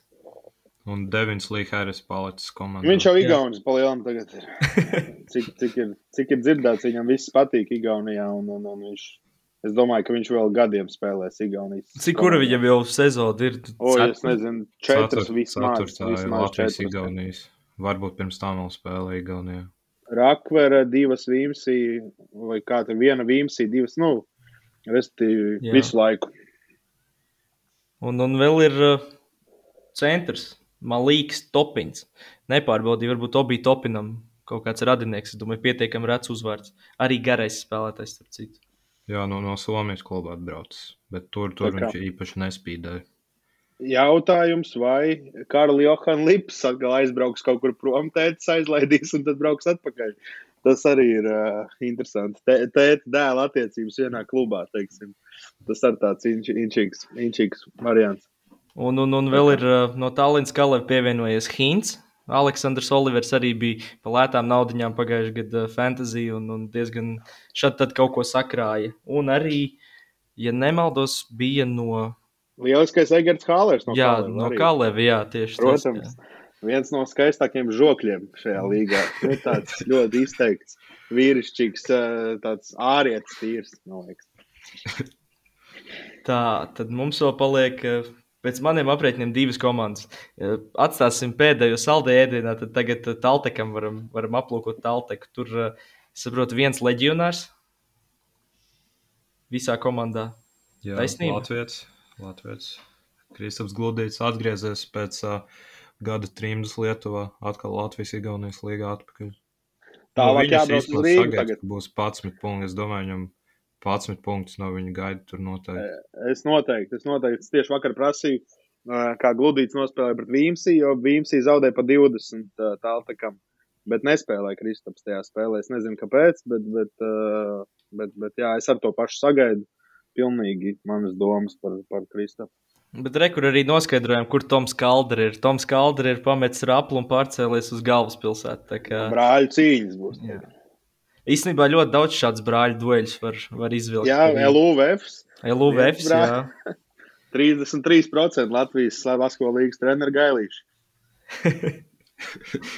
Tā kā Tad, uh, kas mums te vēl ir? Jā, Kaldre, ir Tomas Rādiks, Gregors Silves, Pehka, Heinla, Kutis, uh, Kēdus. Nu, diezgan dzirdēti vārdi Latvijas Igaunijas. Jā, man, man interesanti, ja godīgi, kā Rigverks spēlēs, tas, kurš jau diezgan daudz sāk spēlēt. Uh, Pagājušajā gadā uh, izslēgšanas spēlēs jaunais. Viņš tieši ir no tās akadēmijas, uh, tas Rigbergs. Varbūt Bet jūs redzējāt, Rigbergs pagājuši... tagad ir Vīmsos, man liekas. O, oh, jā, sorry, sorry, es vēl par to jā. pašu, par Vīmšiem vēl domāju. Bet, jā, bet es par Vīmšiem, man, jūs varbūt redzējāt pagājušajā gadā tā sieviete ar sarkaniem matiem, kas bija arēnā regulāri filmēta Final Fourā. Tā ir viņa mamma. Tā kā viens no kolorītākajiem faniem arī Latvijas-Igaunijas līgā. Jā, bet, eh, bet jā, jā, jā, par tālteku tur laikam man vairāk nav baigi ko teikt. Es arī gan jau neizslēgtu iespēju, ka sezonas gaitā papildināsies, jo arī nu, izskatās, ka pietrūkst gan centimetri, gan varbūt, nezinu, ja tā var teikt, atletisms. Un Man nezinu, vismaz nevienu tādu atlētu. Jā, bet, piemēram, bet Talteks vai ne? Nu, Pagājušajā gadā paņēma Brendonu Čildres. Čildres tagad Bundeslīgā spēlēs nesūdīgā komandā Beirūtā. Tā kā, tā kā viņiem gan jau atradīsies, varbūt naudiņas vēlāk. Čildresam nebija tā lieta, ka viņš plēfos krustenis saplēs. Iepl, ieplēs. Ieplēs, ok. Jā, jā, tā kā tieši, man liekas, uh, pirmā, pirmās, man liekas, pēc spēles laikā galotnē tieši satraumējās. Un, un ieplēs, tur... jā vairs nebija īsti tāltikam variants par to agri tālāk. Yep. Nu jā, un tad tagad laikam laiks noslēdzošai komandai, kurš vēlās pieteikt Latvijas čempionu vienību basketbolā. Arī apvienotās As... līgas čempionu. Jā, deviņkārtēji Latvijas čempioni. Vēf Rīgā. Es uz Rolandu vietu sāku pretendēt tagad. Bet jā. īstenībā interesanti šogad uh, iespēja noķert Vēnspilniekus. Jā, reiz pirmdien skatījos veiksmu intuīciju prāts, tur bija jautājums, kur ir titulētākā vienība. Un, uh, aiz, tur bija mūziķa, aizmirst, kā to džeku sauca. Uh, kaut kāda ne tā country dziedātais, kaut kas uz to puses, tāds tā kā lauku muzikants. Un, un šis te kungs teica, ka, ka, ka Vēfs ir titulētāks, jo Vēfs ir uzvarējis visus titulus pēdējā laikā, bet, bet summā vēl Vēnspilniekiem tomēr desmit tituli. Bet, ja par sastāvu valsts varbūt kādas tur tās aprises? Nu, um, principā latviešu kodols, man liekas, tur, tur vairāk vai mazāk tas pats palicis. No latviešiem, man liekas, vienīgais, vienīgais tā teikt, tā ievērības cienīgais papildinājums Roberts Bērziņš no, no Liepājas. Un, un varbūt Alberts Plutāns vēl ir pie, pie, tāpat teikt, LU kapteinis bija. Bet tā par leģionāriem viens, kas man patika arī, arī, arī storija, video, pat tā Lido bija pamēģinājis Nezirs Brooks, Seven Foot Chefs. Uh, viņš arī, man liekas, pārvaldes spēlēs, cik es pēc redzēju, diezgan labu statistiku vācu Tu pašam Hamiltonam pēc Žalgiris tur bija nebija īpaši tālu no, no triple double. Bet tā par to pašu Hamiltonu, piemēram, kas man nepatika, es nezinu, es redzēju kaut kādas Instagram, ko, ko, ko viņš komentēja. Man personīgi radās tāda sajūta, ka viņš uzskata, ka viņš pārāk labs, lai šeit atrastos, vai kaut kas tāds, ka, ka viņam būtu jābūt noteikti augstākā līmenī. Jo nu, CV viņam pietiekami labs, bet tā, nu, es nezinu. Grieķijas ja čempionātā triple double. Man sākumā arī likās tā, bet, bet tagad, cik ir ar viņu, mums bija fotosesija, tur video filmēšana. Īsnībā viņš tāds ļoti tāds humble, lauki, tāds diezgan piezemēts džeks. Bet, nu, var jau, zin kā, saprast arī, ka viņš, viņam mērķis noteikti ir augstāks nekā spēlēt Champions League, ja tu esi. Tad tomēr trīs spēles starp pieciniekā gājis NBA, nu, ja tu to esi sajūtis, nu, droši vien, ka tur, tu, un plus viņam, uh, Brāčka Denverā, vēl kaut kur, nezinu, gan izmaiņas, kad septiņu gadu NBA spēlējis. Tā kā vi, visa ģimene spēlē basīt. Nu, droši vien, ka kaut kāds spiediens arī vēl bišķiņi ir. Un, un, un, tā kā. Bet tā, skatoties pieteikums, tad vai nu līga vēl nav izdarījusi savu darbiņu, vai, vai Vefiņš guļ. Jo Geri, Gerijs, jeb Džerijs Blakes joprojām ir pieteikumā, bet nav Džamārs Abrams. Nu, kā saka, Tallinas Kaleva Audentes ir uh, trīs spēlētāji. Tad, uh, Tas varētu būt tāds komentārs neliels par šo, bet jā. no leģionāriem vēl ir palicis Vitālijs Zotovs, kurš šo sezonu neskaitās kā leģionārs. Pagājušā sezonā, kad pievienojās, ļoti uzrunāja, kā, kā saspēles vadītājs. Tīpaši būtu kā otrais, Kristers Zorika, tāds, kurš arī Ukraiņas izlasē iedeva enerģiju, tāds, kurš vienmēr cīnās līdz beigām, nokapā un tiešām pārsvarā arī pieņem pareizos lēmumus. Varbūt šādi tad šķita, ka varbūt nedaudz pa daudz uzbruk no distances, bet kopumā es teiktu, ka, manuprāt, lielisks spēlētājs Vefam. Kāds ir prognozes? Ir tīpaši, ja nav leģionārs. Nu, jā, jā, kā, jā, tas, protams. tas ir tīpaši, ja viņš nav kā leģionārs, tad viņš ir ļoti labs. Nu, tiešām, nu, Būs arī ziņā. diezgan daudz gados jauni džeki, tur Pēters Pinnis, uh, Raivo Butīrins. Principā varam arī pieskaitīt uh, Robertu Bērziņu un Emīlu Krūmiņu, arī Rihards Berkals, vēl, protams. Uh, labi, par Bērziņu Krūmiņu varbūt tā mazāk, jo viņi tomēr sev jau kaut cik pierādījuši, bet kāda prognoze varbūt Mārtiņa Berkolts, Spīnis, Butīrins lielāks minūtes šogad, mazāk minūtes. Es domāju, RSU vai Frīga. Droši vien RSU vairāk pārsvarā Ra Raivo, es teiktu, nu, ka vajadzētu vismaz tēmēt uz vairāk minūtēm jau, jau, jau. Un tas tāds ir mans skatu punkts, jo viņš tāds plecos tāds jaudīgāks palicis. Viņš vismaz jaunajās formās tā izskatījās. Bet, Un, un, un Pīnis nezinu, nu, atkal tas, ka mums nav baigi daudz garo, nu, it kā nostīt ir Ilja un, un, un Bruks, bet Un tad ir atkal, un tad ir Miška, uh, un tālāk jau tur gulbis spēlē pa četri un tā, bet man liekas, ka Raivo, nu, vismaz Latvijas-Igaunijas līgā vajadzētu dabūt vairāk minūtes un, un iespējas. Es tā domāju, vismaz pēc manām sajūtām. Vēl man vismaz šķiet, ka tāds diezgan sabalansēts sastāvs. Ir gan pieredze, kas ir Mārcis Gulbs un Artis Sata, ir, ir jaunība un ir arī, teiksim, Un, protams, Džamārs Abrams īstenībā arī būs viens no pieredzējušākajiem leģionāriem, kāds VFI bijis pēdējā laikā. Es Jā, es pat neatceros, ka būtu tik pieredzējis leģionārs paņemts, teiksim, nu, sezonu. Parasti ir vairāk tādi jaunie vai pusjaunie, kas vēl nav sev pierādījuši. Bet nu, nevarētu teikt, ka viņš ir kosmiski tur sev pierādījis, bet nu, tur tāpat tās uh, Vācijas Bundeslīgā divi gadi, Bišķiņa Minskā, Un, un, un Grieķija arī normāli spēlēs. Nu, viņš ir tāds jaudīgs, viņš ir tāds fizisks vīrietis, tāds varētu teikt. Es domāju, viņš pa četri mierīgi arī var spēlēt. Uh, es redzēju, ka bija ielikts, ka viņš ir SGSF, uh, bet nu, es teiktu, ka viņš ir SF un vairāk PF ar metienu. Nu, tāds visticamāk. Jā, par to Ēbams vienīgais laikam, ko es redzēju, bija tieši video, ko tu Mārtiņš bija ielicis, kur viņš bija Alu Jup kaut kādu ielicis tā danku ar galvu līdz stīpai. To Viņš 2008, 2018. gada Dāngu konkursu uzvarētājs Vācijā. Oho. Tā kā, tā kā, tā kā interesants džeks, bet arī Brooks lido ļoti augstu. Viņš, viņš ir tāds, kurš katru reizi mēģina iedankot. Tā kā varētu būt vismaz interesanti mēģinājumi katrā gadījumā no viņa, kas jau ir bijuši. Reizēm nesanāk, bet, bet, bet mēģinājumi ir baigi daudz. Viņš vienmēr mēģina arī uh, tāds viens no retiem, kas arī treniņos vienmēr mēģina dankot uzreiz no ūsuņas lec un mēģina dankot pāri. Nu, varbūt tas nevajadzīgi reizēm. Īstenībā bet... tas pat labi, es teiktu, tādam pinnim, butīrinam, jo, jo latviešu jaunie garie bieži vien tādi kautrīgāki, kūtrāki ir uz šiem dankiem, mēģina varbūt ielikt to bumbiņu smuki iekšā ar, ar acitienu vai tīri, lai stīpai nepieskarās, bet uh, varbūt šāds treniņu partners pat uh, tikai un vienīgi palīdzēs. Bet, Tagad, kad tu tā raksturoji, un Abramsu, par Abramsu stāstīji, ka viņš ir atletisks un kāds tik vēl ne, tad uh, vai nedaudz neatgādina varbūt šos leģionārus pirms divām sezonām?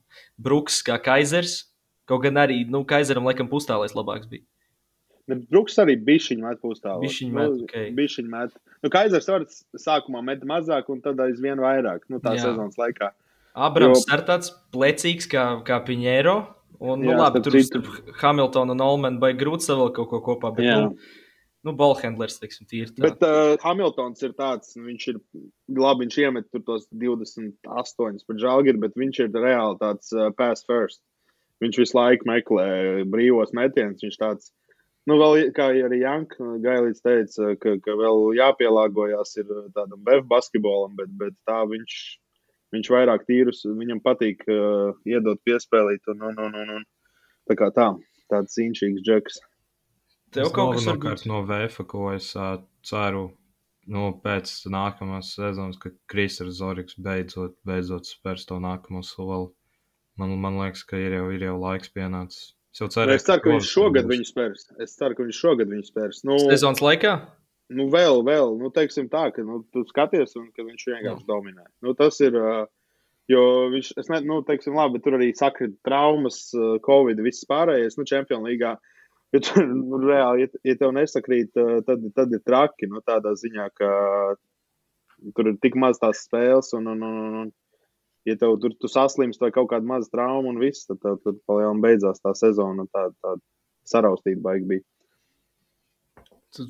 Ma, manuprāt, esam principā visu izrunājuši. Būtu ir kaut kādas atsevišķas lietas, ko vēlties piebilst. Jo, ja nē, tad es labprāt aicinātu izteikt kaut kādus izcelt. Varbūt mēs jau sarunas gaitā izcēlām, bet varbūt vēl kādus divus, trīs fantasy vērtīgus džekus bez varbūt minētajiem. Jo es laikam atkārtošos vēlreiz, teikšu, ka tas man būtu Hamiltons un, un Dārgais, un gan jau arī Kirves. Kaut ko skatījos Nu- uz kādu no Igaunijas mazajiem, bet tur vēl, manuprāt, vajag sezonu, lai ieskrienās, un tad būs skaidrs. Nu, es teiktu, ka gludītis varētu arī būt tāds interesants. Vienīgais viņam varētu būt tas, ka viņam ir pārsvarā punkti, nevis uh, viss pārējais. Nu, tas varētu būt uh, mīnus Kristupam, bet uh, no pārējiem īsnībā, skatoties Kalevu, Alterīgs Gilberts arī varētu būt, jo viņiem nevarētu teikt, ka ir arī daudz to driblētāju pārējo. Un plus tas treneris viņu jau zina un uzticās un, un, un dod pilnīgi brīvību. Tā kā varētu būt, ka viņš arī varētu būt tāds inčīgs. Man Pat, es nezinu, no, no Prometēja mums nevienu neņemt, jo nu, viņi varētu tas pats, arī, pa, pa, pa astoņiem punktiem desmit. Nu, tur, nu, vienam ir 150. Nu, nezinu. Nu, tā kā. Man no fantasy liekas, ka Kirvisam būtu jābūt jebkurā komandā iekšā. Ja viņš jau, jau pagājušajā gadā bija, man liekas, fantasy viņš bija pat labākais no visiem. Uh, tad vēl es arī par Mārcis Vito līdzīgi domāju, ka viņam tajā komandā vajadzētu būt tā pietiek, pietiekami labai statistikai. Un, un uh, es vēl tieši fantasy sakrītu tā Tomas Pavelku gribētos izcelt, jo viņš uh, no pietiekami solīda līmeņa atbraucis uh, no Liboro. Viņam jau tur bija pietiekami laba statistika, un uh, es domāju, ka viņš šeit uh, varētu spērt vēl vienu soli uz priekšu un būt vēl labāks. Zini, kā īstenībā, ja pat Prometēja padomā, varbūt, ka tomēr Balvinu varētu ņemt. Jo viņš varētu savākt reāli tur 18 minūtēs, 15 plus 13. Zini, kā nu vienkārši tur uh, groza apakšā izdarīt visu, kas jāizdara un iet atpūsties. Nu, Es īstenībā tieši tagad es uh, uh, ieslēdzu paralēli šo fantasy atvēru, kas pa dienu man negāja un nelādējās. Tad tagad man ir salikts, un, piemēram, Bolvins ir 16 kredītpunkti. Man Nē, tas ir. jā, jo, jo rekurs 6-4 dārgākie ir uh, Kristaps dārgais, nu, dārgais, jā, uh, Kirves un, un Hamiltons. Visi pa 16, un pēc tam ir Keilers Sagada, Kārlis Šiliņš. Uh, Alterīgs Gilberts, DJs Kenedijs, DJs Stevens. Tur, principā, puse no tiem, kas ir pirmajā lapā līdz 15 uh, kredītpunktiem, sākot no 15 kredītpunktiem, puse ir prometēja. Tā kā Es laikam tiešām tur nevienu neņemšu. Nu, viņus, nu, jā, no viņiem es nezinu. Nu, varbūt Balvinu, bet, bet diez vai. Diez vai. Rekur, kas vēl īstenībā varbūt Miliks jārbro pa 14,5 kredītiem. Vismaz tajā Kosovā bija solīta statistika. Dāvids Vīks, 14,5 arī, manuprāt, Tur interesants. baigi daudz spēlētājiem, ja Lūkā jau valsts teica, tur nenormāli. Nu, labi, Vīks. Nu, Vīks nebūs stabils līderis, es domāju. cerams, Viņš, kā viņš cerams. pagājušo sezonu ar 3 double double pēc Es jau godīgi nesaprotu, kāpēc viņš ne, varbūt, varbūt viņš nu, mācās, nu, loģiski mācās, bet uh, vienkārši kāpēc viņš nav vajadzīgs kādai citai liela, nu, teiksim, komandai ar budžetu, kas ir Domāju, ka, maksājams. ka nebija interesi. jo Es, es Es domāju, ka nezinu, interesi es- bija diezgan liela. Es domāju, ka viņš vienkārši pats, pats pieņēma lēmumu, varbūt palikt. Nu, Jo, cerams, kā, kā jo viņam citādāk es nesaprotu. Man liekas, ka viņš tāds un tik normāls žeks, sakarīgs. tā Kā, man liekas, ka Nu, es personīgi sezonas laikā man jau liekas, ka viņam būs LU pirmā un pēdējā sezona. Un es, ja godīgi, arī pēc sezonas es gaidīju, ka viņu kaut kāds vēfs vai kas varētu parakstīt. Tā. Starp citu, mums web sociālos tīklos kaut kādi trīs cilvēki uzrakstīja, lai paņemat tā Edvardu avotiņu komandā. Viņš tik labs ir. Un jūs tagad sakat, ka viņš beidz karjeru. Vienkārši kaut random cilvēki rakstīja, nu paņemat Edvardu avotiņu komandā. Lūdzu.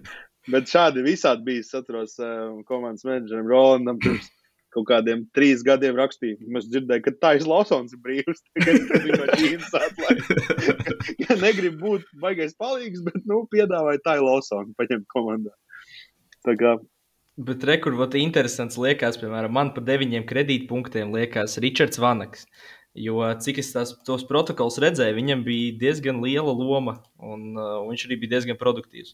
Nu, Ričards arī nekautrēsies mest pa grozu pie pirmās. Tas arī fakts, jā. Tā kā... to, to viņš jau, jau, man liekas, no, no, no desmit gadiem jau nav kautrējies. Tur es domāju, ka viņš tagad arī nesāks. Bet kopumā interesanti, jo, reku, piemēram, Rīgbergs ir pa septiņiem kredītpunktiem, Šulcs seša puse arī interesanti. Tev arī Šulcs īstenībā... un Rīgbergs man jau patīk. Tie var īstenībā atrast, tā. Atrast dažādus. Tādus... Tām komandām, kas filmē vidikus ar androidiem, tiem varētu varbūt kāds piedalīties ar šo te pasākumu, lai dabūtu iPhone pēc šās sezonas. tā kā... Ne, kopumā var atrast diezgan. Uh, he... À, nē, tas nav tas. Es sajaucu Kārlu Helmanu ar Arnoldu Helmanu. Es domāju, ka Arnolds Helmans. Ja, un, ja kāds, vispār... kāds mūsu kolēģis grib, ja kāds grib paņemt tā mūsu kolēģi Norberta Strautiņu, tad uh, 6,5 vienībiņas fantāzijā. Pa, pa, pa cik nāk, pa cik nāk Kārlis Helmans, man jautājums? 4,5. Vispār man liekas, ka labs ieguldījums. Man arī liekas, es saku, es ieteiktu, ja es varu kaut ko ieteikt, es ieteiktu sezonas sākumā pasakot tām nominālajām pastarītēm, jo tur noteikti kāds uh, izšaus. Vienīgais tas, ka tur tie zaudējumi ķipa, traucē bišķiņš. Jā, tas gan, tas gan. Bet, bet tā kopumā, jā, kopumā, jā. Bet, nu jā, kungi, varbūt kaut kādi atvadu vārdi. Laikam nekas baigs. Ko, tāds. nu tiekamies 4. oktobrī arēnā Rīga. Nu, tā kā gaidīsim visus. Tas ir tas, ko es varu visiem pateikt. Lisabonu brauc uz Rīgu. Jau tik ātri pieļauj... sākās Čempionu līga. Jā, 4. oktobris, 7. vakarā. Tā kā vispār man šķiet, ka varētu būt diezgan daudz portugāļu Rīgā, jo man vakar Instagramā kaut kādi pieci jau uzrakstīja, prasīja, kur varēs biļetes nopirkt. Un, un, un, es pieļauju arī, ka vieta šeit ir diezgan daudz tādu Erasmus e, studenti no Portugāles. Un, un, un, pieļauju, ka varētu būt diezgan viņi sanākuši. Nu, es zinu, ka īstenībā ir arī tagad uh, Air Baltics ņem darbā Stewards no ārzemēm, tad tur ir pāris portugāļi, kurus es futbolā satiku, kad pret Žilu Visentu spēlēju. Un vēl ir tā otra avio kompānija, kas ar čārteriem ņemās. Tur arī ir diezgan daudz visādi portugāļu spāņu oh, wow. strādā. Tā kā, jā, īstenībā diezgan liela varbūt viņa tā komūna Latvijā. Bet pirms tā es gribētu Felipe, teikt, arī portugāļu valodā var jā. uzrunāt savus uh, negluži tautiešus, bet uh, portugāļu brāļus. Bet pirms tā es gribētu aicināt visus 30. septembrī, pulkstenis septiņos vakarā pieslēgties. Vai nu, ja jūs esat no Liepājas, tad droši dodieties klātienē, izbaudiet sezonas atklāšanas svētkus, vai arī pieslēdzieties portālam sportcentrs.com vai kanālam TV4, kur uh, vismaz oktobrī un iespējams arī ilgāk, tik sīk nezinu, būs skatāmas visas spēles no Latvijas. Tā kā izbaudiet basketbolu un Mēs būsim atpakaļ jau pavisam drīz ar, ar Eirolandes podkāstu. Man vēl viena vien, vien lietiņa par uh, liepājas atklāšanas spēli, ko es ceru, kas nebūs šogad. Pagājušajā gadā aizbraucu uz pirmo spēli pret Rakveri un iznāk tur laukumā. Es neatceros, kas konkrēti, bet kāds no vadības un kāds no domas. Un apmēram tā uzruna bija tāda, Tā, nu mēs ceram, ka mēs saņemsim pēdējo naudu par pagājušo sezonu. Tā, reāli tā bija uzruna, kad visi spēlētāji laukumā un cilvēki tribīnēs. Tā bija uzruna pirms spēles visiem publiskā. Tā kā, tas ir tas, ko es novēlu, lai, nav, lai ir vairāk naudiņas klubiem un, un, un foršāks basīts. Vairāk naudiņas klubiem, visiem basketbolistiem veselību, pārsteigumus, aizraujošus mačus un, un lai, lai finālā uzvar labākais, laikam. Vēfiņš, Rīgas, protams. Vot, precīzi, precīzi. Paldies! Labi, paldies, ka klausījāties. Visu gaišu! Nā, čau!